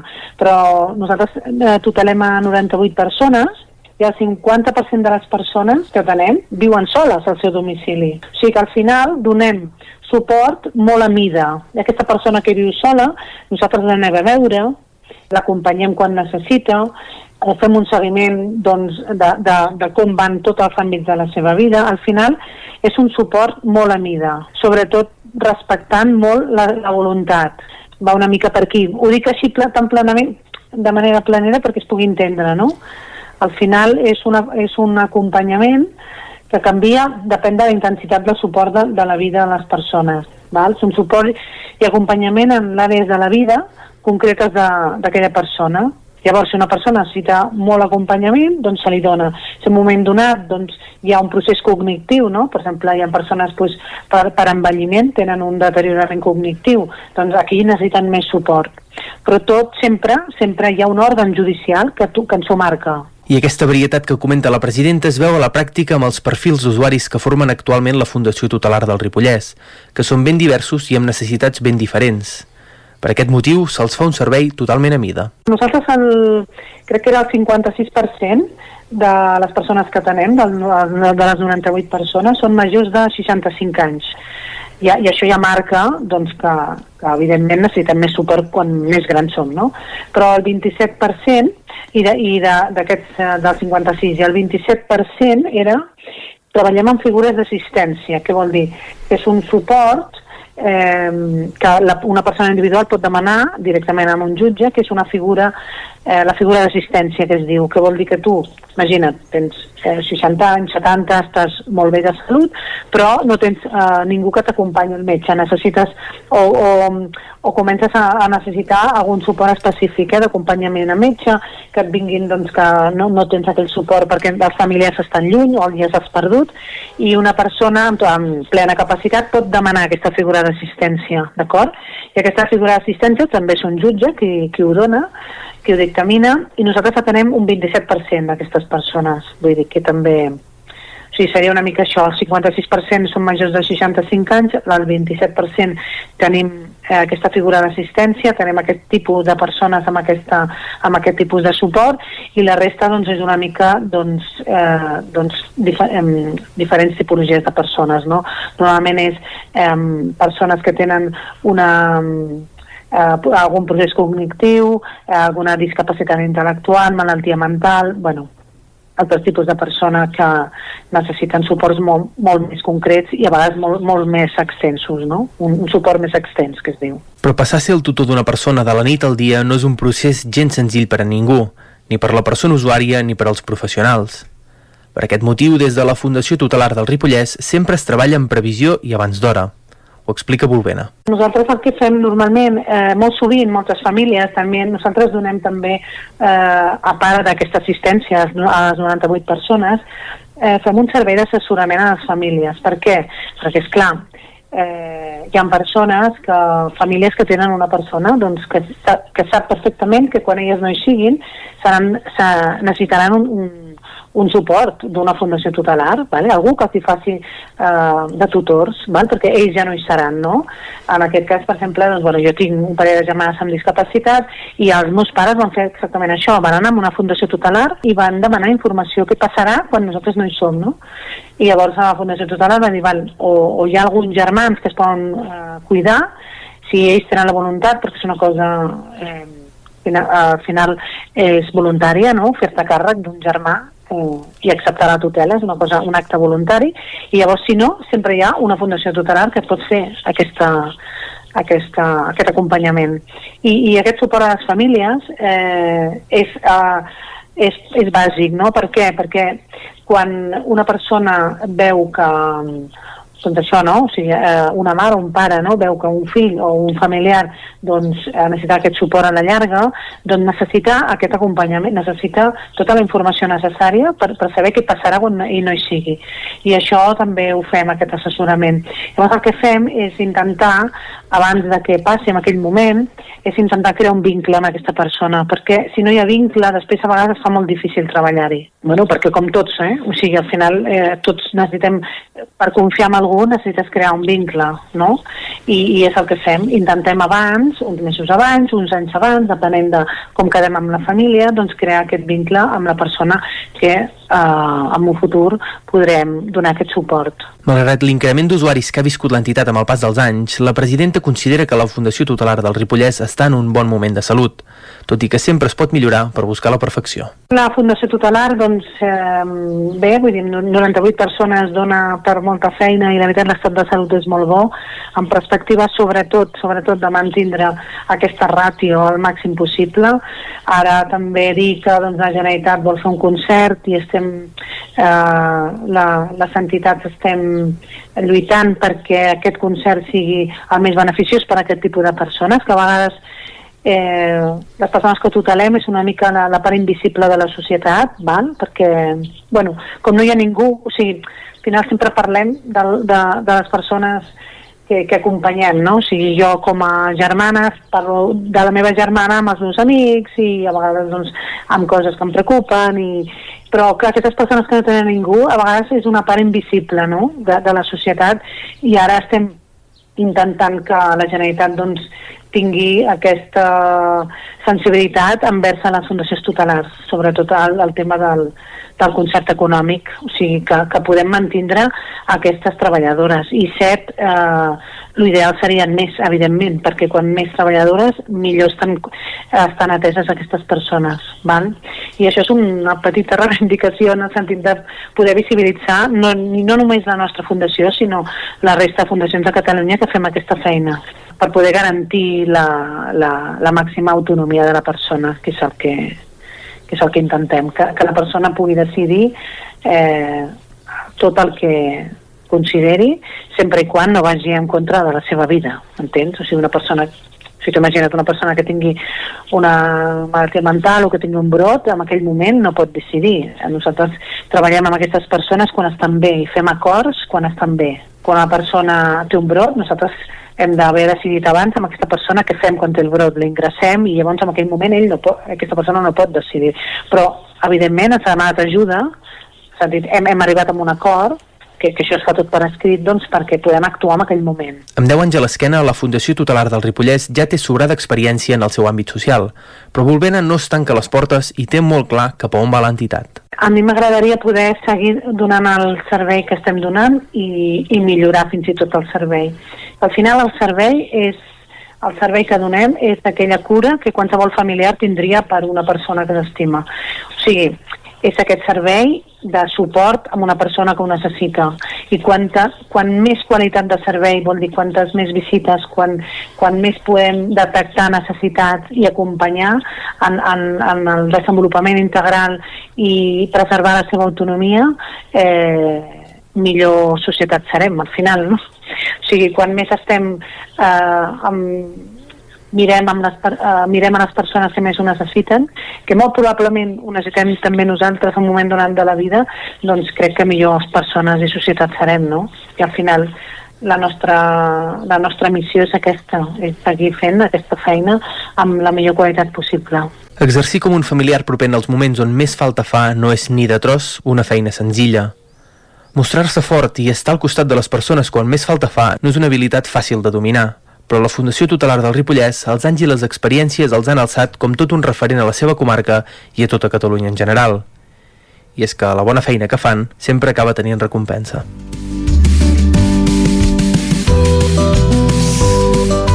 Doncs moltes gràcies a Eloi Puigferrer, que avui ens ha costat la feina que fan des de la Fundació Tutelar del Ripollès, una feina excel·lent. Nosaltres ara de seguida el que farem és una breu pausa, tornarem a dos quarts en punt, anant a Santa Eugènia de Berga, al Descobrint Catalunya, després passarem per la R3 i acabarem, com fem sempre els dilluns, aquí a Territori 17, fent tertúlia esportiva, evidentment no pas parlant de la Lliga de Primera Divisió, que ara mateix està aturada, però el mercat que no para i l'actualitat activitat futbolística que tampoc. Això ho repassarem a la part final d'aquest programa que ara res, se'n va publicitat 3 minuts i tornem. Fins ara mateix.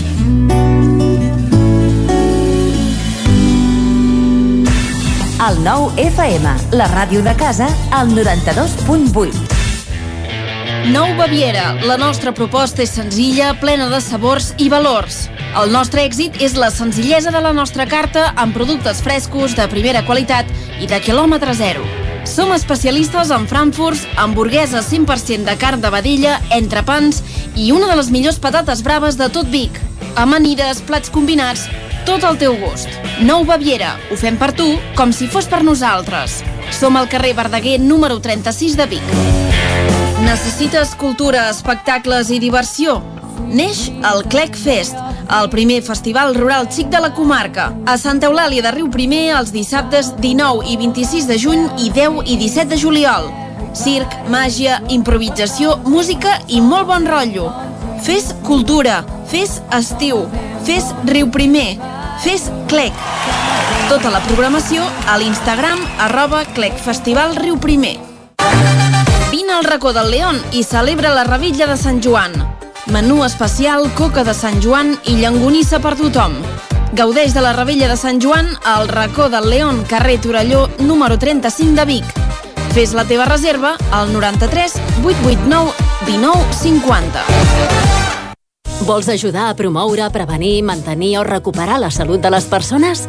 Amb el grau en fisioteràpia de la UBIC aprendràs a través de la simulació de casos i l'experimentació pràctica. Informa't a ubic.cat barra info barra fisioteràpia.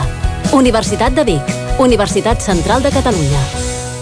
Anuncia't al 9FM. La màquina de casa. 9 3 8 8 9 4 9 4 9. Publicitat arroba al 9FM.cat. Anuncia't al 9FM. La publicitat més eficaç. Impremta Mater, el servei de particulars i empreses. Fem catàlegs, llibres, papereria corporativa, targetes, fulletons i també venem material d'oficina i escriptori, bolígrafs, arxivadors, grapadores, llibretes i molt més. Mater Impressors des de 1957. Impremta Mater. Ens trobaràs a la carretera de Sant Hipòlit, número 23 de Vic i a la impremtamater.com. Radella de Sant Joan, al restaurant Casa Vostra. Sopar, música en directe amb Joan Aromí, fi de festa amb coca, llangonissa i cava. Vine i disfruta de la Ravella de Sant Joan amb un bon sopar i la millor música. Restaurant Casa Vostra al carrer Pla de Balanyà, número 18 de Vic. Fes la teva reserva al 639 355 320. El 9 FM, la ràdio de casa, al 92.8.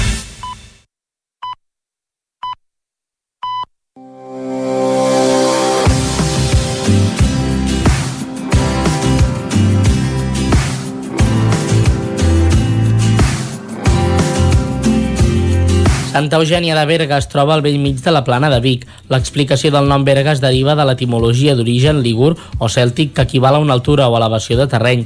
Pel lloc on es troba dins de la plana, el seu terme és bàsicament pla. L'església de Santa Eugènia de Berga està situada al centre del poble, a la comarca d'Osona. Vestida del segle XI, és d'estil romànic. Va ser ampliada durant el segle XII i posteriors reformes l'any 1664 van modificar la seva planta amb la creació de dues naus laterals.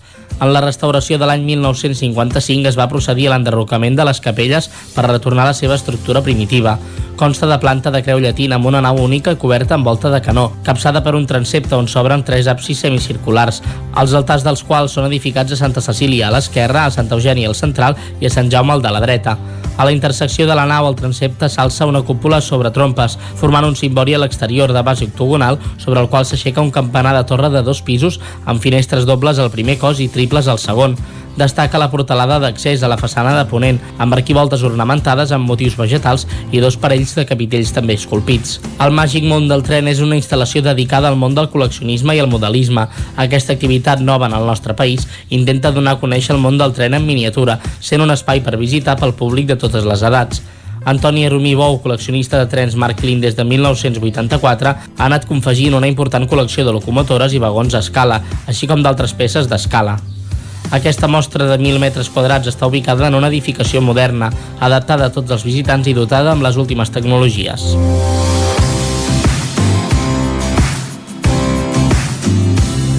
Territori 17 Doncs a Santa Eugènia de Berga, que molta gent es confon, perquè clar, a Santa Eugènia de Berga es pensen que és el Berguedà i no al costat de Vic, eh? Sí, sí, ben a prop de Vic, però evidentment el nom que porta a moltes confusions. Doncs bé... Sort n'hi ha del Google Maps avui en dia. O no, perquè... perquè a vegades hi ha gent que a Sant Eugeni de Berga, això del Sant s'ho treu, posa a Berga i l'envien a Berga per anar a veure trens, per exemple, no? Uh, bé, uh, trens, vull dir, el museu del tren que hi ha a Sant Eugeni, molt aconsellable, al costat d'una església romànica també uh, preciosa. El que no té Santa Eugènia és estació. De la R3 no ni de cap altre tren, Tampoc. tot i que té, això sí, eh, un museu de trens molt aconsellable uh, i Com que no tenen sobretot trens pels de amants de les veritat, maquetes. Sí, sí. oh, doncs eh, han fet un museu de trens de joguina. Va, anem a la R3 on hi ha trens de veritat, doncs anem-hi, va. A Trenc d'Alba, edició pandèmia. Ara sense els usuaris que ens explicaven les seves desgràcies a la R3, però amb els mateixos retards i problemes de sempre. Benvinguts a Tren d'Alba. Doncs mireu, la darrera setmana el senador d'Esquerra Republicana de Catalunya, Josep Maria Reniu, va reclamar-li al ministre de Transports, Mobilitat i Agenda Urbana, José Luis Ábalos, que es concretin i s'executin d'una vegada les inversions que el govern espanyol té pendents des de fa dècades a la línia R3 de Rodalies i que té com una de les principals exigències al territori el desdoblament de la via entre les estacions de Montcada i Vic. Reniu es va estrenar el passat dimarts a la sessió de control al govern durant el ple de la Cambra Alta. El senador va ironitzar que en relació al desdoblament de l'R3 no s'ha fet absolutament res. Quina novetat, oi? Tot i que ell deia que el 2008 el Ministeri de Foment ja va presentar un estudi informatiu acceptant l'extrema necessitat de l'obra. I ja veieu que del 2008 al 2021 hi va més d'una dècada de diferència. Segons va recordar, el que s'han fet són actuacions merament cosmètiques sense haver incidit en l'operativa de la línia. Res orientat a millorar la infraestructura, res orientat a plasmar el desdoblament de la línia entre Montcada i la Garriga, res orientat a millorar la mobilitat de més de mig milió de potencials usuaris no només del Vallès Oriental i Osona, sinó també de comarques limítrofes, que dia rere dia es veuen expulsats cap a l'ús del vehicle privat amb el negatiu impacte en la necessària sostenibilitat mediambiental. Demà us portaré la resposta del ministre, que segur que no deixa indiferent a ningú. Va, ens retrobem demà amb més històries del tren i de la R3. Territori 17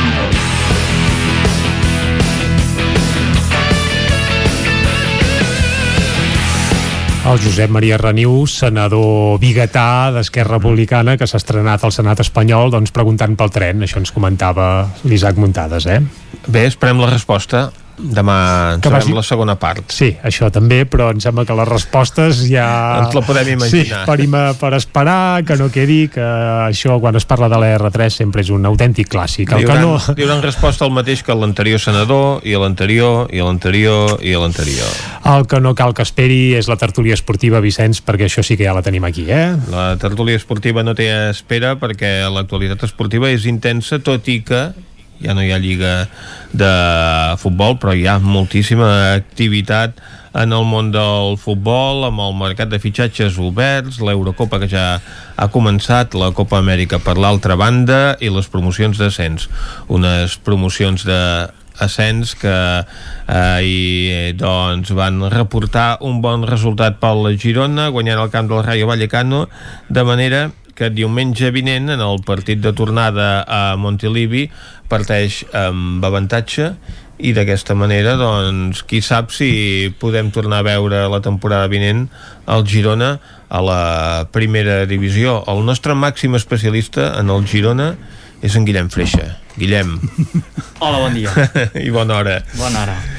Tu El- veus el Girona a primera de nou? No, jo no el veig a primera de nou i, i us ex ho argumentaré. Uh, És, és català, Guillem. Sí, això primer. I, i també és, uh, soc, uh, he tingut És l'experiència... escèptic, després de veure l'arbitratge d'ahir és escèptic Soc coneixedor de la història recent del Girona i jo crec que si comencem a, a, a repassar la història recent del conjunt gironí eh, trobarem plantofades per donar i vendre. El 0-4 de, de la Romareda que es converteix en un 5-0 a, Sí, a no, Montilivi. es guanya, sí, sí, no, es guanya 3 a 0 a la Romareda i et, et, et remunten a, a Montilivi, el Lugo al minut 89 que ja tot l'estadi estava celebrant l'ascens, un cop de cap de Caballero i et, et deixa amb, amb cara de, de tonto. L'any passat que el Girona, doncs, realment el projecte de l'any passat del Girona sí que era per pujar de categoria, s'arriba a la final contra un Elx que també es classifica a última hora, amb una plantilla molt justeta, fins i tot per segona divisió, eh, en el partit de Montilivi hi ha l'expulsió d'Estuani amb el bar eh, i acaba marcant Pere Milla també el, les acaballes del, del partit vull dir que mm, de drames jo crec que se n'han viscut molt a Mont, molts a Montilivi i jo no ho donaria per fet. Dit això, dit aquesta vessant sentimental i, diguem, eh, poc racional que, que estic exposant, el l'1-2 al camp del Rayo és un molt bon resultat. Vull dir, si Mhm. posem arguments eh, sobre la taula, eh, com crec que avui l'esportiu de Girona, la portada, eh, posa és creure-hi. Mhm. Jo crec que ara estaríem en aquest punt, és creure-hi, i jo crec que hi ha un factor diferencial que és l'entrenador que no se n'ha parlat massa o no, no fa massa soroll aquest entrenador i déu nhi el que està fent amb el, amb el Girona perquè a més a més és un entrenador que és capaç de, de canviar el transcurs dels partits els guions dels partits sap plantejar-los bé i sap jugar amb el que... Allò que no passa al Barça. vaja. Exacte, sí sap, sap en això, Lluís eh? s'ho passa molt bé perquè si fustiguem el Barça en Lluís a Planell la veritat és que ho Ahir gaudeix l'arbitratge va ser eh, polèmic, però mm, en positiu i en negatiu perquè el gol anul·lat a l'últim minut de la primera part jo no Era sé, gol. eh, per mi era gol Claríssimament. Vull dir que, que, que no, la toca amb l'espatlla vull dir que, Sí, sí. i llavors doncs, el, el, el gol anul·lat al Rayo també en l'últim minut del partit doncs també semblaven fora de joc vull dir que sí. la, les línies aquelles que, que, que adrecen doncs em fa l'efecte que ho demostren ara una altra cosa és que eh, a mi el Girona la primera part em, em va agradar gens No, els 20 primers el Rayo està, el Rayo està encertat eh, els hi, el- els hi, els hi, o sigui, decideix gairebé l'eliminatòria Sí, sí. eh? Mhm. jo, jo és això, el, el primer quart d'hora de partit sí que eh, es podien haver enfangat moltíssim el, el Girona en el sentit que va ser una llau de joc del Rayo. Mhm. jo crec que tothom esperava patir amb, uns, amb una eliminatòria d'aquest calibre doncs esperes eh, patir però sí que va ser un, un vendaval. I eh, fins que el Girona no va posar la pilota a terra va aconseguir possessions una mica més llargues eh, també va frenar aquest jugador Isi Palazón que doncs, és un, un molt bon futbolista. Eh, la cosa no es va, no es va calmar i, i vaig veure que quan hi havia l'empat enfocaven a, a Francisco, l'entrenador i els deia, la primera, la primera volguem dir que la jugada aquesta que havien eh, fet per aconseguir eh, empatar el partit que, que havia bueno, que les havien de posar en llarg i que en, en Silla, el, el jugador el davanter eh, es barallés amb la defensa perquè té potencial. I l'altra cosa és un defensa per salvar un corna dona un gol el gol del Rayo em, re, em refereixo eh? sí, sí, sí, perquè no la deixa sortir. Exactament, no, no, no eh, i, i la fota dintre l'àrea on, on l'ICI precisament ho aprofita, vull dir que ja, ja entenc que és cosa de nervis i tot plegat, però esclar, a vegades val més un corna que no pas. I que la segona divisió també, si anem mirant les últimes temporades eh, en les eliminatòries aquestes de, de pujar a primera sempre passen coses rares eh, que destiroten els guions perquè Mhm. crec que l'any l'any que acaba pujant al Mallorca crec que el Deportivo també anava amb un bon resultat en, en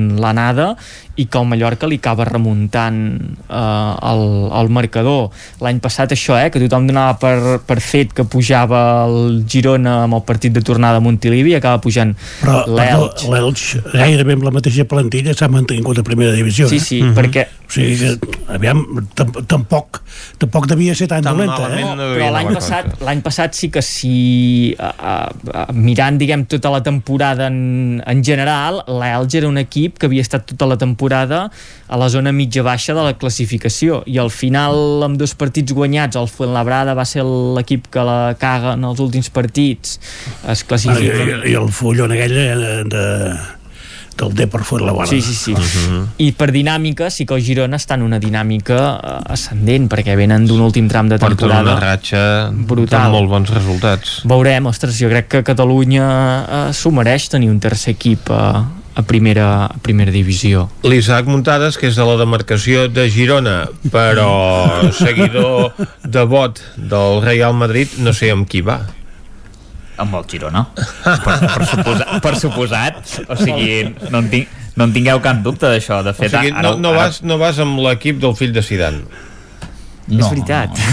Que, Zidane, per, que i Zidane, per cert, eh, en el camp, no sé si heu vist algunes imatges, es va tenir una picabaralla amb un periodista, picabaralla sí. dialèctica, evidentment, eh, que li preguntava que el tema de la carta de, de comiat i fins i tot el Zidane li va dir vine, vine cap aquí que t'explicaré una cosa i va venir el periodista i Zidane van estar parlant amb ell vull dir que, que curiós el, aquest detall però deixant de banda Eh, això no, no, però no va estar-hi parlant amistosament. Sí, sí, després sí, després el va agafar i el, el va agafar de l'espatlla so, eh, busqueu les imatges, eh? està, està bastant bé eh? i Però comença li, a parlar amb li ell va dir el teu treball és de vergonya. Sí, sí. Quan li I d'això sobre va- la va- carta de comiat del Real Madrid. va, va passar això altre perquè el pobre noi, doncs clar, li devien dir pregunta això, pregunta això i, i bueno, és, és la seva feina, no? I el fill, Però, i el, fill la, el segon gol sí. podia haver fet una mica més, eh? Sí, però vull dir, a veure, el Girona clarament hi va tancar el cercle, que és que uh, la línia ascendent que comentava en Guillem doncs es va, va començar precisament amb una derrota al camp del Rayo Vallecano en un partit que, que va ser bastant polèmic perquè hi va haver-hi algunes, bueno, algunes jugades que, que no van acabar de contentar uh, els gironins i ahir, després d'aquell partit no se n'ha perdut cap més, si no recordo malament o s'ha guanyat quasi bé tot poder hi ha, hi ha hagut algun empat un, un o dos empats em sembla i, i ahir es va tancar el cercle guanyant en un partit que la primera part, com heu dit, eh, que jo la vaig estar mirant un rato, eh, sobretot els primers 20-25 minuts van ser molt dolents, no sortien de darrere el Girona, era increïble. El que passa és que eh, aquest ritme de partit del Rayo, clar, era complicat de- d'aguantar i a la primera que arribes fots el gol, després capgires el marcador, tot i que no t'ho donen, per, per una jugada que evidentment no, no són mans perquè si no ho era aquell gol de Benzema amb la Real Societat que la toca amb la mateixa part doncs evidentment aquest tampoc ho és tampoc ho és, vull dir, això és, hem, hem de ser honestos, no? I, i només començar la segona si fa, fent el gol ja està, ja ho, ja ho té el Girona eh, està classificat clarament ja ho vaig dir fa unes setmanes que el Girona pujaria a primera No. i em dèieu que era gafe i que era Sí, malastruc no, és que estàs temptant massa la sort. Sí, sí. No, no, no, no, no. El Girona pujarà a primera. Dilluns en parlarem. Sí, i És potser, la- depèn com acabi, potser et vinc a buscar, ja t'ho dic, eh? Bueno, bueno, no... És la quarta vegada que, que fa una promoció de per cent per pujar, no? Sí, jo ja la Només ha pujat directament. Sí, l'any que pugen ho van fer directe, però llavors hi ha la de Rubi, que Sí. és la primera, la 12-13, eh, hi ha la de l'any del Lugo, llavors amb el Saragossa, que és, si no vaig errat, la 14-15, es puja a la 15-16 directament, Temporada i l'any passat, eh, i aquesta. I no, amb els play-off no hi ha hagut, no hi ha hagut uh, manera. I en aquest play-off, precisament, uh, s'hi està s'hi ha arribat um, sense la referència o el gran jugador del Girona de les últimes temporades que és Estuani, que també diu molt del projecte que ha anat vestint uh, Francisco, perquè sense Estuani sent una peça important doncs han aconseguit aquestes victòries en l'últim tram de temporada I amb nanos molt joves, a més, eh? Sí, sí, sí. Perquè mm, Cabrera, per exemple, ha deixat de ser el central, eh? Sí, el sí. titular, vull dir en, en, en Bernardo i en canvi s'hi ha posat aquest nano Arnau Martínez que eh, si no vaig errat eh, l'any passat encara era el juvenil eh, ha bueno, procedent del filial, també hi ha Ramon Terrats no? al mig del, del camp, un nano molt jove Ibra que ve, que també Franquesa. En franquesa que s'ha dit del Villarreal però eh, també un, un jugador en projecció. I jo crec que el nom que ens hem d'apuntar és el del, el del lateral dret, Jan Couto cedit del Manchester City. També eh, important això, eh, que aquestes sessions del City, que s'ha parlat molt els últims anys del vincle Girona-Manchester City, eh, però mm, havien donat poc resultat, no massa resultat eh, als jugadors que arribaven d'allà i de moment eh, jo crec que aquest Ian Couto és un lateral amb, amb molta projecció i que caldrà seguir en els, en els propers anys si res no es torça, també amb aquesta evolució creixent al llarg de la temporada. I veurem Uh, és això que deia, jo crec que Catalunya ostres, un tercer uh, equip a primera divisió, Mhm. amb el nombre de llicències que hi han uh, federatives, amb el nombre de practicants de clubs de, de nivell, no? de, a nivell Sí, de sí. futbolistes que, que van sorgint d'aquí no seria descabellat i que a Girona eh, hi ha un projecte que es va estroncar fa dos anys amb aquell descens però que la intenció era consolidar-ho a, a primera, veurem si s'hi poden reenganxar si s'acaba assolint aquest, aquest ascens Dos descensos de segona a primera seria històric pel futbol català. Sí. No ha passat mai, evidentment, no. que pugessin no, no. dos equips catalans podien, la mateixa en podien haver pujat tres, però bueno, el Sabadell no. No, el Sabadell No va pujar eh, No, ho tenia és que- complicat, no? Sí. Sí. Però almenys poder-se mantenir Clar, és que mirant les temporades a primera d'equips catalans, el Barça i l'Espanyol sí que són clàssics no? de, de la màxima categoria, però després hi ha una travessia del desert eh, Total. brutal, perquè eh, amb nombre de temporades deu venir potser el... És que m'atreviria a dir que... El Lleida. No, lla- o Nàstic. el Sabadell. Sí, bueno, sí, o Sí, si anéssim Europa. molt enrere, ara no Europa. recordo l'Europa, les Mm, èpoques sí. pretèrites. Això ja... Sí. Eh? Sí, sí, no. No hi ha ningú que tingui memòria d'això. Però però, sí, sí, però sí. no, no, jo que hagin estat a primera, doncs eh, Sabadell, Nàstic, Lleida i, I ja està. Girona, esclar. Sí, sí, I però el, que... I el Condal, no? També. Sí, sí, Això és època pretèrita. no, no sé si te'n recordes tu d'haver anat a... No, no, jo, jo no, Lluís, tu, tu poder te'n recordes, jo no. No, no, jo tampoc. A més, Vale, vale, sí. eh, eh, m'agrada eh, veure fotos del Condal perquè anaven amb pantalons blancs. Ah, com a Madrid. Eh, per això, que un color que s'hi diu molt, molt, molt Barça, sí. No, i, i en canvi això, eh, que mirant altres comunitats eh, autònomes, ostres, veus que, que hi han hagut equips que s'han consolidat totalment a primera divisió i que han conviscut. Ara suposo que aquest debat ja l'hem tingut eh, aquí, de, de l'absorció que genera sempre el, el Barça a nivell català, però Ostres, jo crec que, per exemple, a, a, també ho hem comentat, eh, que a Madrid, el Madrid i l'Atlético doncs, tenen aquesta absorció, o a Andalusia ens trobem que els dos equips de Sevilla tenen molta força, però en canvi han anat sortint projectes... Eh... I el que ens foten de veritat és el País Valencià, eh? Sí, exacte. Perquè al País Valencià tres equips de primera divisió Sí. eh, força con, eh, consolidats això és, és un mèrit extraordinari i el País Basc també. Exacte. tot i que l'Eibar doncs, aquesta temporada no ha estat de sort mm. però que una població com Eibar hagi mantingut un equip a primera Sí, sí. divisió Sí. Exacte. És, és el Sabadell, eh? Perdoneu, el tercer equip, 14 temporades.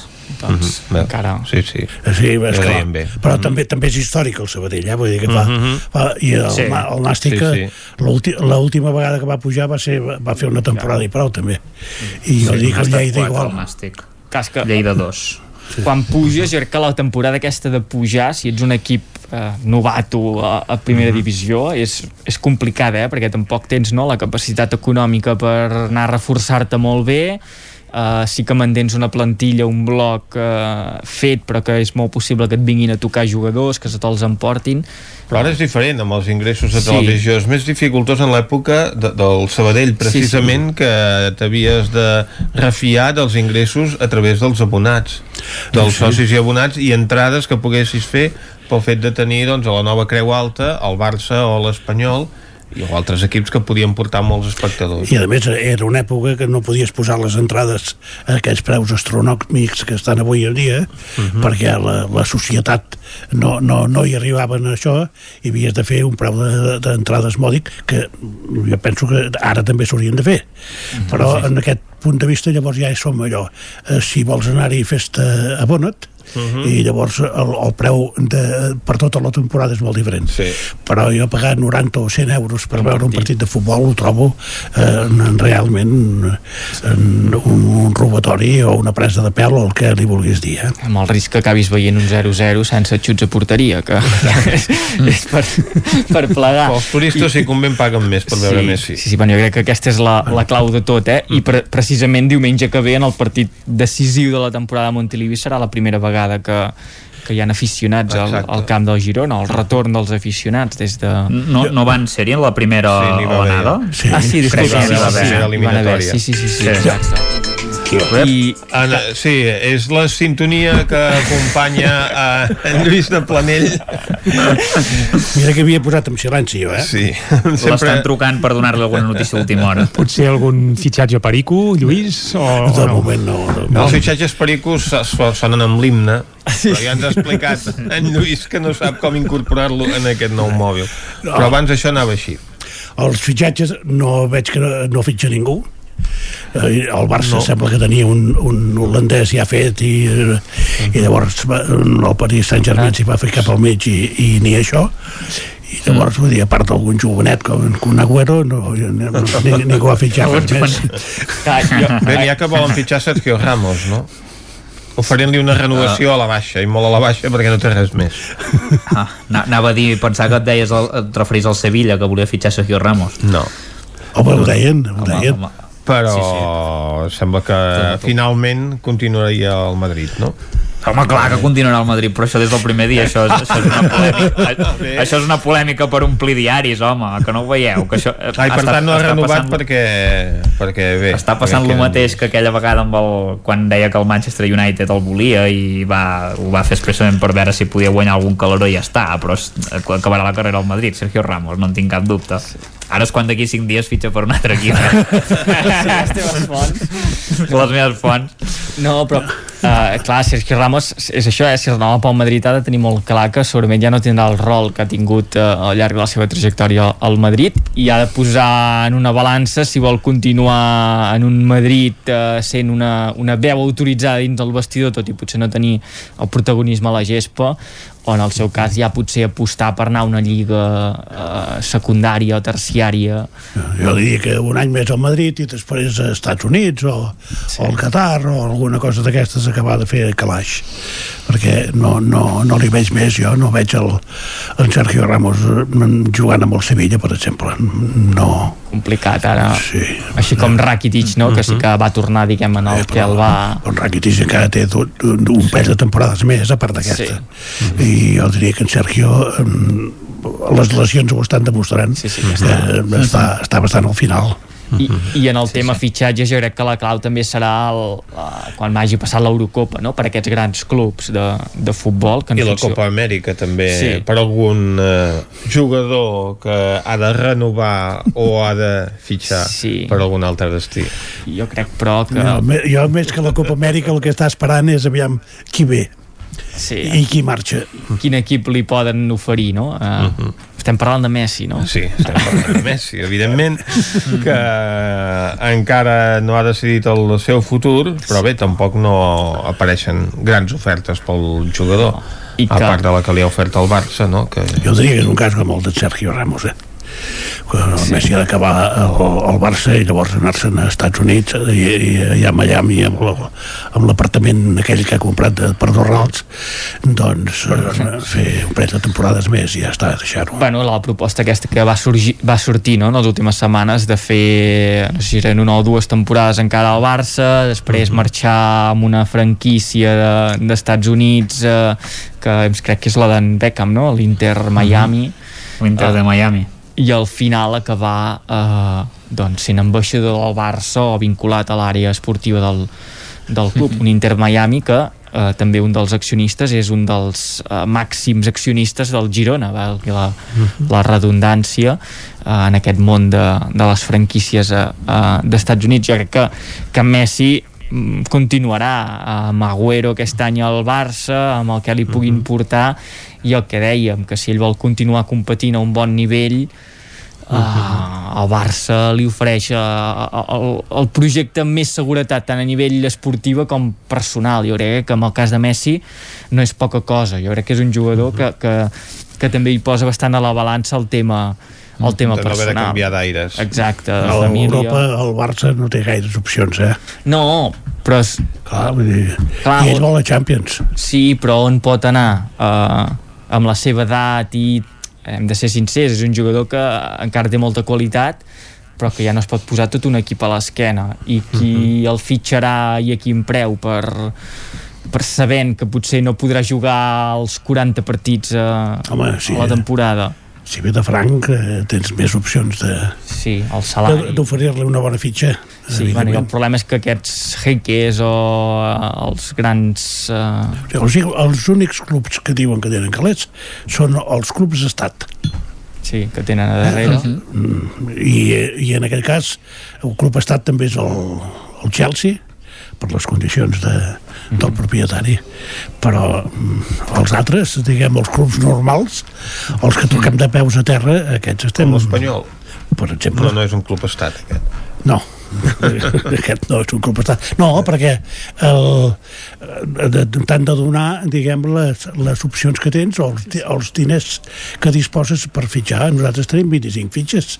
Per tant, el, el que vol dir és que si fitxes un, n'has de treure un.